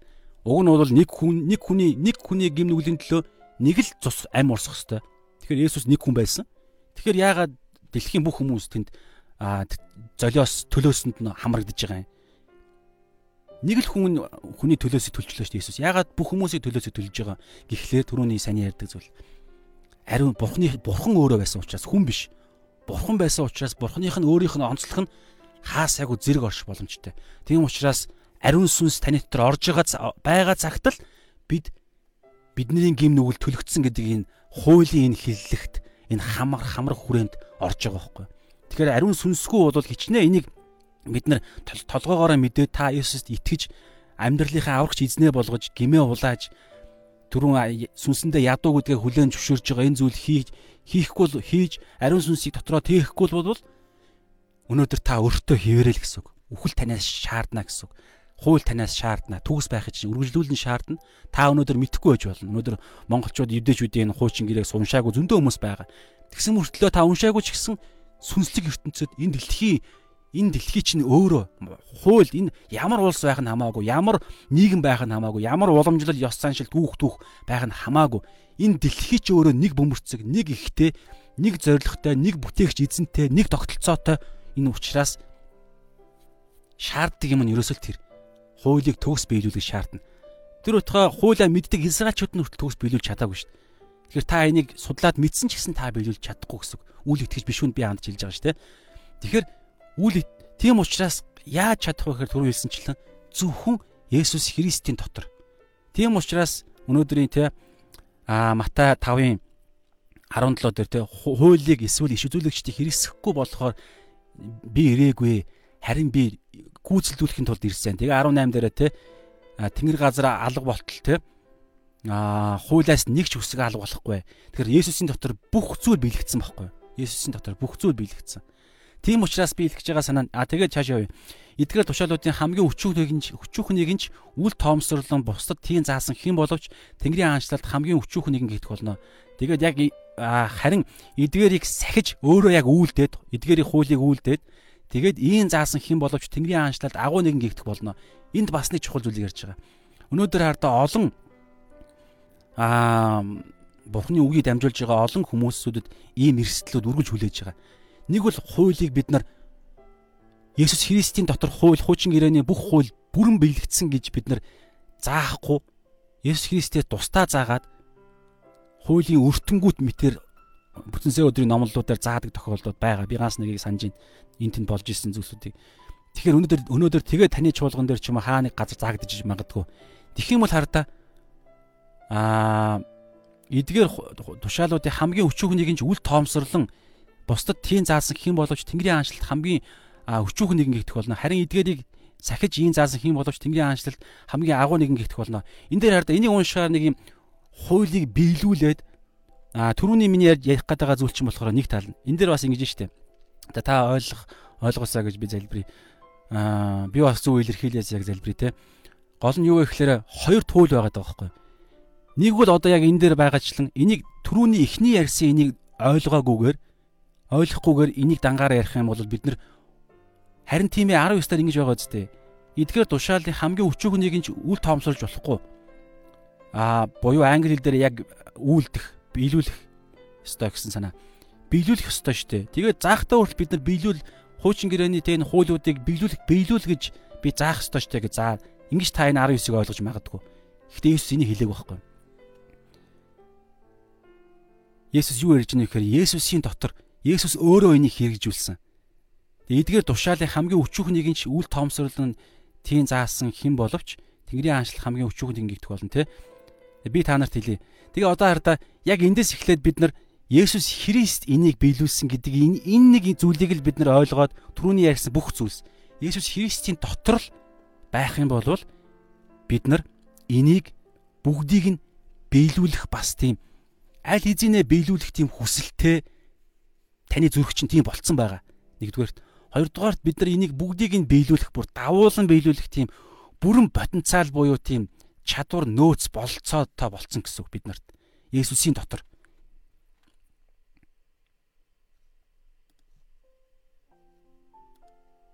Тэгээд аа бид нар заахта тэгээ энийг хардаа итгэж бид нар бас нөгөө тал нь юу ярьдаг вэ гэхээр нэгүсэл хуучин гэрээ бол хуучирцсан. Хууч энэ дээр бас асар нилээ нарийн тийм нэг юм эхлэлт яваад байгаа юм шиг санагддаг байхгүй юу? А түрүүний ярьж байгаа зүйл дээр харьцангуй баг байх. Ягаад тэгэхээр масаараа бид нар яг нэгүсэл ярьдаг учраас Есүсийн хайр, Есүсийн дотор гэдэг юм ярьдаг учраас харин одоо энэ ярих гэдэг зүйл нилээ тийм дал төвшин тус явж байгаа тийм эхлэл гэж би хардаг. Юу гэхээр нэгүслэр бид нар аврагдсан, итгэлээрээ аврагдсан, Есүсийн дотор аврагдсан. Тийм учраас бид нар хуулийг биелүүлэх хүртэнгүүд биш гэж ярьдаг. Энэ нь үнэн. Гэхдээ одоо энийг Есүс бас хэлж байгаа.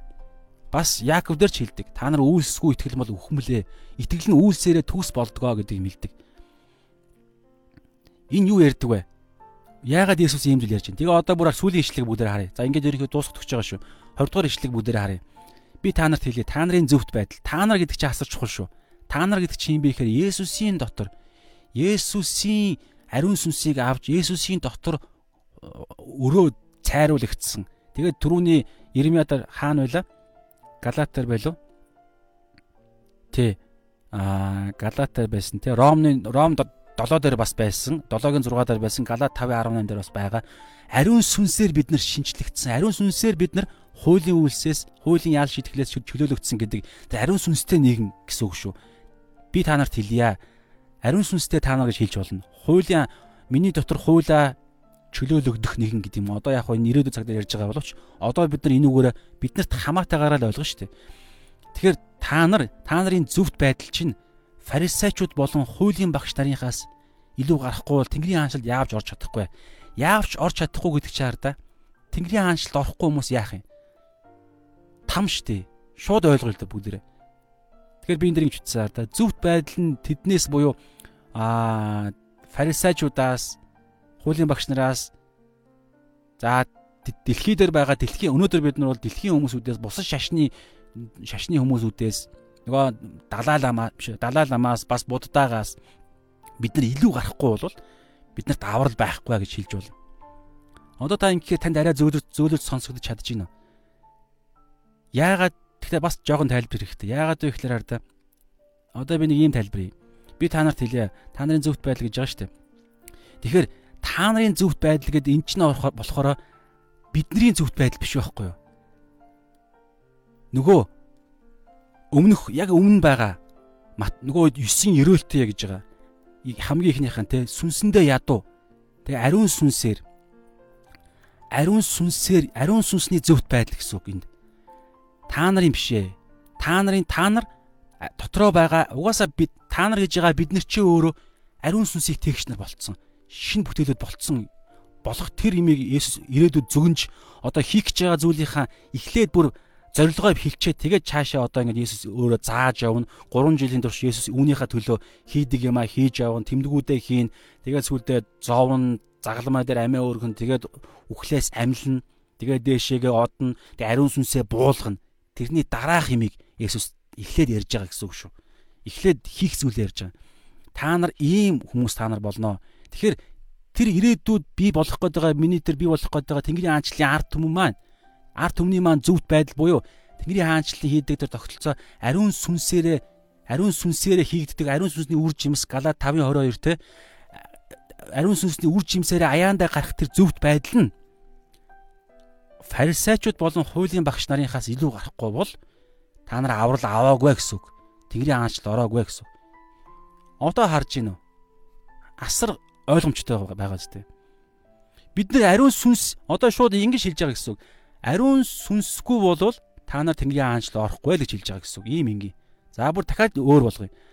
Та Есүс Христэд итгэдэггүй бол Тэнгэрийн хаанчлал орохгүй гэж хэлж байгаа гэсэн үг. За буцаагаад цааш явъя. Та Есүс Христэд итгэдэг бол та ариун сүнсийг ариун сүнс танд шууд автоматар орж илж ариун орж ирж ариун сүнсээр бид нар бурхны хүүгүүд гэж ариун сүнс бидний дотроос гэрчилж үрчлэлийн сүнсийг бид нар аавна ариун сүнсийг авна гэсэн.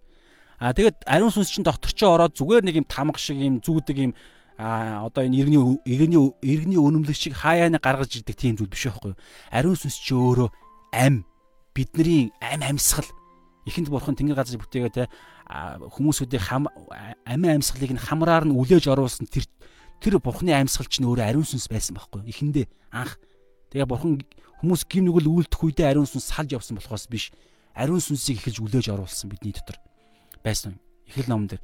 Тэгэхээр одоо ч гэсэн Есүс Христэд итгэх үед шин бүтээл бас бидний амиа амьсгал шин бүтээлийн маань амьсгалыг нь бурхан үлээж оруулсан буюу тэр нэгүүлслэр итгэлээр маань дамжуулан нэгүүлслэр бидний дотор ариун сүнс орсон гэсэн. Тэгээд тэр чинь одоо бид нар алхам тутамдаа амьсгалж байгаа үстэй. Амьсгалаа амьсгалахгүйгээр би хэр удаан байж чадах вэ? Боломжгүй. За удаан байж чадсан ч гэсэн тэр хугацаанд би юу ч хийж чадахгүй. Би үг ярьж чадахгүй, би ус зөөж чадахгүй, би унтаж чадахгүй. Хитгэн секунд би зүгээр нэг юм нэг юм дүүртэл орно. Зүгээр мод болж хуурна зүгээр. Харин амьсгалж явах үедээ амьсгалж явах үедээ бид нэр гөөн хөдөлмөрлөн амьдралаа зохион ажиллана. Тэгэхээр энэ амьсгал чинь өөрөө юу гэхээр ариун сүнс. Тэгэхээр эн чинь юу илэрхийлж байна вэ гэхээр бид нар ариун сүнс чинь өөрөө бидний зөвхт байдал болж бид нар өдөр тутмынхаа сайн үйлс, амьдралын бурхантай харилцах магтаал, загтаал бүх зүйл маань ариун сүнсээр хийгдэж байгаа гэсэн. Тэгэхээр энэ цаараа одоо энэ та нарын зөвхт байдлыг чинь ариун сүнсний зөвхт байдал яаж чуудсан? Зайлуул нэг энэ фарисеучуд хуулийн багш нарынхаас давх нь ойлгомжтой үсттэй. Тэгэхээр энэ дээр юу юу юу гэж ойлгож ойлгох хэрэгтэй вэ гэхээр та ариун сүнсгүй болвол ариун сүнсгүй л бол та нар Тэнгэрийн хаанчлалд яавч орохгүй гэж та ойлгож болно гэсэн. Тэгээд тэгтээ эн чинь хардаа зөвхөн ариун сүнстэй гэж яриаггүй те. Та нарын зөвхт байдал гэж байгааз. Тэгэхээр ариун сүнсээрээ та нар зөвхт байдлаа илэрхийлж гаргаж нөгөө нэг Яаков хэлдэг итгэл нь үйлсээрээ төгс болдгоо буюу үйлсээрээ итгэл нь ингэж аа яг бодиттой итгэл байгаа гэдгээ ингэж харагдаж эхэлдэг. Өөрөө өөртөө батлагдаж энэ бодиттой ингэж амьсгалж эхэлнэ, амьдрч эхэлнэ, шин бүтээлч нь ам орж эхэлнэ гэсэн. Ерөнхийдөө ийм санаа. Тэгэхээр ерөнхийдөө өнөөдрийнхаа энэ хүртэлгийн тайлбар маань ийм байла. Тэгэхээр одоо та 20 дугаар ишлэгийг харах юм бол арай танд ойлгогдож байгаа гэж ойлгож байна те. Юу вэ? Та ариун сүнсээрээ бид нар өнөөдөр үйлдэж, амьсгалж, зөвхт зүйлээ зөвхт амьдралаар амьдарч ирэхин амьдарж байгаа бол тэр ариун сүнсээр хийгдэж байгаа зөвхт байдал чинь энэ дэлхийн ямар ч агуу сайн төгс сайн хүн байсан бусдын төлөө амиа өргөдөг нэгнээс илүүгээр айл хэдийнэ бид нар даван гарна гэсэн. Яг хоо фарисеучуд хуулийн багш нар багш нарын сайн үйлдэл маш өндөр байсан л да. Тэд өдөрт бүр хэдэн удаа 7 хоногт бараг өдөр болгон шахуу мацаг барьдаг байсан. Тэд нар бүр ингээд залбирал нь маш их байсан. Тэр аа тэдний тэр яг үйлсэнд эдний яриад байгаа тэр зөвхт байдал гэдэг байгаа тэр нэг зөвхт байдал нь асар өндөр байсан байхгүй юу? энгийн үнээс хамаагүй л тэд шашинлаг зөвүүлэлтээ хийж зориулт гаргадаг байсан үнэн. Тэгэхээр тэр гаднах үйл дээр нь үйл дээр нь хүртэл ариун бурхан Есүс ярьж байгаа. Та нарын гаднах байдал чи хүртэл энэ айхтар энэ мундаг энэ олон юм хийгээд байгаа энэ асар өндөр юм шаардж байгаа энэ нэг юм зүйлээс та нар угаасаа давнаа. Яагаад тэгэхээр та нар чинь та нар биш. Та нар чинь ариун сүнс. За амин. За ерөнхийдөө ийм байлаа. Тэгэхээр бүгдээр хамтдаа залбирая те. Энэ хүртэл ойлгосон байх гэж э, сүнс дотор найдаж байна. Тэгээ ойлгоогүй бол та энэ зүйлийг та хараад нэг ийм зүйлийг заавал ойлгож иж итгэлийн амьдрал чинь цаашаага явна шүү. Яагаад вэ гэхээр ардаа энийг бид нар ойлгохгүй бол та таныг алхам тутамд чинь ариун сүнс сатан таныг мэхлэн. Аа тэрнээс гадна хуурамч багш нар хүртэл эцсийн үеүүдэд олноороо гарч ирнэ. Тэр үед та яах вэ гэхээр энэ ойлголтыг яаж зааж байгаагаас хамаарч та зарим хүмүүсүүдийг та таних боломжтой. Гэхдээ түрүүний хэлсэн шүү дээ. Энийг буруу заасан хүмүүс Тэнгэрийн хаанчлал гэж байгааз Тэнгэрийн хаанчлалд хамгийн хамгийн өчүүхэн нэгдэх өчүүхэн гихтэх болно. Зарим хүмүүс магадгүй ариун сүнсний а Есүс Христийн нэгүслийг а тэ нэгүслийг заахаас илүүгээр хуучин нэгүслийг заахаас илүүгээр одоо яг энэ дэр а биш нэгүслийг заах та нэгүслийг заах та нэгүсэл нь өөрөө ингэж хуулийг бүрэн биелүүлж ингэж амьдрал дээр ингэж хуулийг биелүүлж байгаа нь цаанаасаа ингэж ариун сүнс энийг хийдэг гэдэг энэ зүйлийг аа заахгүй нэгүсэл зүгээр нэгүслээр ингээл болно. Тэгээ баг өргөжлүүлээд гим үлдээд яваад байх боломж гэдэг юм уу. Ингиж хуучин гэрээний ярьдаг юм дис эсрэг юм ярил ярьлаа гэж бодъё л да. Нэг одоо нөгөө нэг зарим нэг хит нэгүсийг нэгүслийг хит туушруулж буруугаар дутуу ярьдаг хүмүүсүүд бас байгаа шүү дээ. Энэ тэнд гадаадын номлогч нар дээр ч гэсэн бас байж магадгүй. Тэгэхээр тэдгэр хүмүүс маань яах вэ гэхээр аврал миний харж байгаагаар бол тэдгэр хүмүүс нь Тэнгэрийн хаанчлалд ордгоо орно. Гэхдээ тэнд маш өчүүхэн нэгэн гихтэх болно гэсэн. Яагаад вэ гэхээр тэр цогц сайн мэдээ яриаг учраас нэгүслийн цогцыг яриаг учраас яагаад ямар нэгүслийг цогц нэгүсэл гэх юм. Би нэгүслээрээ өршөөгдөж, зөвтгөгдөж, ариусгагдж би нэгүслээрээ би төгс нэгэн болцсон. Тэгээд энд багхгүй юу? Тэгээд төгс болсон ариун болсон төгс болсон тэр ариун сүнсээрээ амьдарч байгаа тэр хүн чинь одоо бид нар яах вэ гэхээр үр жимс гаргаж амьдрна. Үйлс хийж амьдрна. Энэ тэр нь юу гэхээр хуучин гэрээний хуулиудыг өртөө ухраас биш. Тэрийг бид нар чэйжлэгч албагүй. Гэхдээ хөндлөнгөөс харах юм бол тэдний угаасаа хуучин гэрээний хуулиудыг биелүүлж эхэлнэ.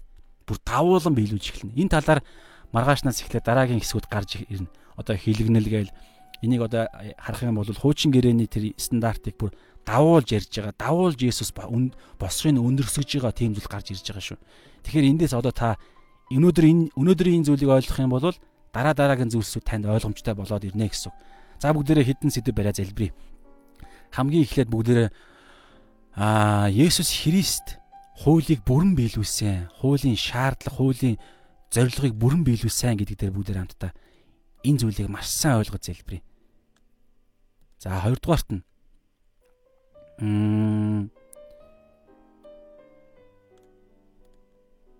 энд байна хар та.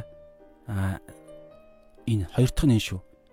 Ариун сүнсээр бид нар шинчлэгдэж ариун сүнс дотор бид нар бүрэн төгс болсон гэсэн санаа. Ариун сүнс дотроо л явж байгаа цагт нөгөө сүнсэндээ ядуу гэдэг ойлголт чинь шүү дээ. Та сүнсэндээ баян болол ариун сүнс надад хэрэггүй. Надад өөрийн гэсэн эд хөрөнгө байна буюу миний сүнс дангаараа болоо явчихна гэж бодож эхлэх юм бол нөгөө галаад чуулганы мэхлэгдсэн шиг бид нар мэхлэгдэж эхэлнэ гэсэн. Хуулийн өрлөө хуулийн дор өөрсдөө дахиад орж ирнэ гэсэн. Хэрвээ бид ариун сүнснээс салангад ямар нэг юм хийж эхлэх юм бол би нөгөө нэг өртөө хуулинд өртөө хүн хүнийхээ би дүрдээ эргээд орж ирнэ гэсэн үг байхгүй. Тэгэхээр бид ариун сүнсээрээ бид нар байнга явах хэрэгтэй. Ариун сүнс дотор энэ бүгд бий болсон. Тэгээ ариун сүнс дотор байгаа цагт бидний зөвхт байдал үргэлж илүү байх болно. Тэгэхээр энийг бүгдээрээ барай залбирая. За өнөөдрийн цаг маань өнөөдрийн цаг маань нилээ. Одоо энэ ерөнхийдөө да би ганц нэг юм хэлье. Нэг юм хэлээ тэгээд өнөөдрийнхэн цагийг залбирлаар өндөрлөө. Юу вэ гэхээр а өчигдөр бас тэгээд нэг хүн маань бас цэвэр сүү Бурхны үг үгийн цэвэр сүү хүс гэдэг нэг ойлголт байгаа. Тэгээд бор хоол та нар бор хоолнд ороо гэдэг нэг хоёр ойлголт. Үгийн цэвэр сүү гэдэг нь болохоор нэгдүгээр Петр хоёрын хоёр дээр хавцаа байгаа. Үгийн цэвэрс хүс гэдэг санаа. Хоёрдугаарх нь болохоор та нар сүүнээсээ гараад төлөвшөж бор хоолнд орох цаг чинь болжоо гэдэг нэг еврэ 5 6 дээр байгаа байхгүй 5 5-ын төгсгөл 6-гийн ихэн дээр тэгэхээр энэ хоёрыг хардаа зөв ойлгохгүй бол хүмүүс заримдаа бас буруу ойлгоод байна. Яагаад вэ гэхээр энэ хоёр чинь хардаа нэг юмний хоёр тал байхгүй уг нь бол үгийн цэвэр сүг бор хоолтой харьцуулж байгаа юм биш байхгүй. Үгийн цэвэр сүг нь болохоор ихний шат аа тэгээд бор хоол нь дараагийн шат юм шиг ойлгохдох гээд байна.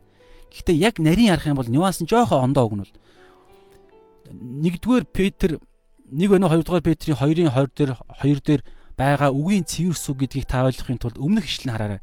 Та нар ингэж те үдсэн ядаж ингэж те бие биенээ үдсэн ядаж алж хидэх тийм хүсэл хүсэл биш. Тийм хүслээ болоод харин нялах хүүхд шиг үгийн цэвэр сүг хүсээ гэдэг тэр байдлаар ярьж байгаа. Бид нар үгийг бид нар Бурхны үгийг хүсэхдээ Бурхны бор хоолыг хүсэхдээ гэсэн үг шүү. Одоо энэ дээр гарч иж байна. Бурхны бор хоолыг хүсэхдээ нялах хүүхэд үгийн цэвэр сүг хүсдэг шиг Бурхны бор хоолыг хүсээ гэсэн санаа шүү. Тэгэхээр бидний зорилго бол төлөвшөх зорилго. Аа тэгээд энэ төлөвшөхийн тулд мэдээж шатн байгаа. Тэр нь одоо юу гэдгийг нөгөө еврэ 5 5-ын төгсгөл 6-гийн эхэн дээр байгаа та нар балчир байна байха болоод төлөвшөх хэрэгтэй. Гэтэл та нар эргээд би та нарт балчир хүүхдүүд шиг а итгэлийн амьдралын анхан шатны ойлголтуудыг ярих хэрэгцээтэй болоод байна гэж хэлдэг штеп. Тэгээ юу хэлэх гээд байна вэ гэхээр хардаа өнөөдрийн бидний нүдсэн зүйл чинь үнэндээ баг бор хоол баг биш байхгүй. Өнөөдрийн ярьсан зүйл чинь баг өөрөө балчир хүүхдүүдэд ойлгох хэвээр зүйл байхгүй. Өнөөдрийн энийг ойлгож иж эн чинь өөрөө бидний хамгийн анган шатны буюу бид нар ингэж Иес Христ дотор ингэж амьлах тэн дахин төрөхтөр процессын тэр имийг энэ өнөөдөр ярьж байгаа үстэй. Тэгэхээр өнөөдөр бидний энийг ойлгох чинь өөрөө хамгийн анхан шатны чухал ойлгох зүйл. Та энийг ойлгохдоход хэцүү байгаад байх юм бол энэ зүгээр аа дахин төрж байгаа процесс гэдэг юм уу одоо юу гэдэг юм. Энд чинь өөрөө сүү өнөөдрийн бидний ярьсан зүйл чинь өөрөө ер нь ингээд яриад байгаа эдгээр зүйлсүүд чинь баг өөрөө юу шүү. Балчин хүүхдүүд дүгдэг сүүн хоол шүү. Бор хоол гэх юм бол энэ ойлголтын дээрээ тулгуурлаад цаашаа явах гээд байгаа зүйлүүд. Тэгээд амьдрал руу орно. Амьдрал үүс үүс гаргаж байгаа тэр үйлсээсээ ухаарсан тэр ойлгосон юмаа үүс болгож байгаа гэх мэтчлэн эдгээр ингээд ирэхээр бид нар бор хоол болж эхэлж байна гэсэн санаа шүү бас. Тэгэхээр аа нэг тийм тустай юм шиг те өнөөдөр ярьж байгаа зүйл нь ойлгоход хэцүү байх юм бол энэ ойлгоход хэцүү юм чинь бор хоол гэж та бити ойлгоорой. Харин ч энэ хамгийн чухал буюу анхан шатны ойлголт учраас та энийг заавал ойлгох хэрэгтэй. Энд чинь цэвэрсүү байхгүй юу? Та бүгд хамтаа залбирая тэгээ та юу хэлэх гээд байгаа санааг ойлгож байгаа бох те. Аа нөгөө гурван зүйлээ бариад эхнийхээ бариад эзэн бурхан минь таньдаа бид талархаж байна. Юу вэ гэхээр өнөөдөр би ч гэсэн энийг судалж байхдаа бид зарим зүйлсээ би дахин шинээр тэгээд дахин баталгаажуулаад бас илүү тодорхой болгож ойлгосон зүйлсүүд байлаа эзэн. Энийхээ төлөө талархъя. Тэгээд эзэн минь өнөөдөр энэ цагтаа хамт байсан яг хэрэгцээтэй яг таарсан эдгээр хүмүүсийн төлөө бас бас таньдаа талархан залбирж байна. Дараа нь үзэх хүмүүсийн төлөө бас тань даатгая. Эзэн минь тэдгэр хүмүүс маань үзэхдээ сүнсэндээ ядуу сэтгэлээр үзэх та ариун сүнсээ удирдах өгөөч. Мэддэг гэсэн байдлаар биш. Би энэ ишвчлэлийг мэддэг. Эсвэл би энэ ишвчлэлийг ингэж ойлгодог. Тэгэхээр ийм л байх ёстой ч гэдэг юм уу. Ийм баян байдлаар битгий үзүүлээч эзэн. Битгий сонсгооч, битгий библ судлуулаач. Би ядуу би надад та хэрэгтэй байна гэсэн тийм байдлаар танаас авъя гэсэн хэрэгтэй гэсэн байдлаар эзэн минь дахиж үзэхтэн та туслаарай эзэн. Тэгээд эзэн эхнийхээ сэдв бол аа бид бол үнэхээр сүнсээрээ бол бид өртөө хүмүүс. Матай 5:3 дээр байгаачлан бид сүнсээрээ ядуу. Бидэнд юу ч байхгүй буюу бидэнд зөвтгөгдөх ямар ч юм байхгүй. Бидэнд хуулийг биелүүлсэн ямар ч биелүүлсэн нэг ч юм байхгүй. Бид бүгд өртөө. Бүх талаараа. Тийм учраас эзэн минь та хэрэгтэй байна эзэн. Таал хуулийг биелүүлсэн таны дотор хууль бүрэн төгс биелэгдсэн учраас бид таны сүнсийг авснараа ариун сүнсээр дамжуулан бид нар өнөөдөр хуулиас бүрэн чөлөөлөгдөж Эзэн минь бид нар тэрхүү хуулийг бүр давуулан биелүүлэх тэр гайхалтай зөвхт амьдралаар ариун сүнсний зөвхт амьдралаар фарисеучуд хуулийн багш нараас илүү давуу тэр ариун сүнсний зөвхт амьдралаар бид нар амьдарч чадах юм байна эзэн. Тэгээд тань талархаж байна эзэн минь. Дараагийн цагийн төлөө та удирдаарай. Тэгээд энэ бүх яригдсан зүйлсүүд яг л Есүс шиг эзэн тэр эрдэнсийн сан хөмрөгт хэлэгдлээ гэдэг шиг эзэн минь ариун сүнсний тэр хамгаалалт, ариун сүнсний тэр сан хөмрөх дотор хэлэгдсэн мэдлэг мэрэгэн ухаан ариун сүнсний илчлэл дотор хэлэгдсэн байх болтугай эзэн минь. Хэрв буруу зүйл ярьсан бол, буруу илэрхийлсэн бол, дутуу илэрхийлсэн зүйл байгаа бол эзэн та үргэлжлүүлээрэ. Та тэгээд өөрөө үргэлжлүүлэн та аа охид хүүгүүдээ барьж байгуулаарай хэмээн Есүсийн нэрээр залбирч байна. Амен. За шалом. Хамт байсанд баярлалаа. Тэгэхээр өнөөдрийн хэсэг маань аа маш чухал хэсэг байлаа. Тэгээд ойлгоход жоохон хэцүү байсан бол та үргэлжлүүлэн ариун сүнснээс асуугаарай. Өнөөдрийн цаг маань аа та анзаарж байгаа бол те би нэг зүйлийг хэлээд өндөрлөө. Энэ хэлэх шаардлагатай гэж бодогдоод байгаа. Юу гэхээр энэ хүү аа чимээгүү цаг гэж байгаа бор хоолны төлөө гэж байгаа шүү. Бас яг бор хоол гэж бас хэлээг байгааз бор хоолны төлөө. Гэхдээ заримдаа бор хоол, заримдаа сүүн хоол. Гэхдээ зорилго нь бор хоолны төлөө. Бүр хэрэгжүүлж бид нар энэ зүйлээрээ бат бөх бат бих болохын төлөө энэ хүү чимээгөө цаг маань миний хэлэх гээд байгаа зүйл одоо бүгд энийг харъя да анхааруулга гэж байгааз анхааруулга хэрв танд ойлгохдохгүй байвал шүү. Бас танд нийцэхгүй таны боддгоос өөр юм яриад байвал сонсохгүй байх сонголт үргэлж танд байгаа шүү. Бага. Намайг сонсохгүй байх би бурхныг гэж хэлээгүй шүү дээ. Библийн ишлэлийг гэж хэлээгүй. Ариун сүнсийг гэж хэлээгүй. Угаасаа бид сонс өөр өөрсдийгөө судлаад сонсоо явна. Гэхдээ миний ярьж байгаа зүйл танд ойлгохдохгүй байвал танд сонсохгүй үзэхгүй байх сонголт танд байгаа шүү эргэтний ялгаа байж ч болно. Эсвэл одоо өөр юу байдیں۔ Сайнтай муутай янз янзын зүйлс байж болно. Энэ бол мэдэхгүй бурхан өөрөө мэднэ. Гэтэ гол нь тань тийм сонголт байгаа шүү. Тэгээд энэ цаг нь хувь хүн хувь нэг итгэгч хүнийл инхтэй аймагт итгэгч хүнийл чимээгүй цаг библи судал учраас та авахгийнхын ухаанаар ханаарай гэж хэлье эцэст нь. За шалаа.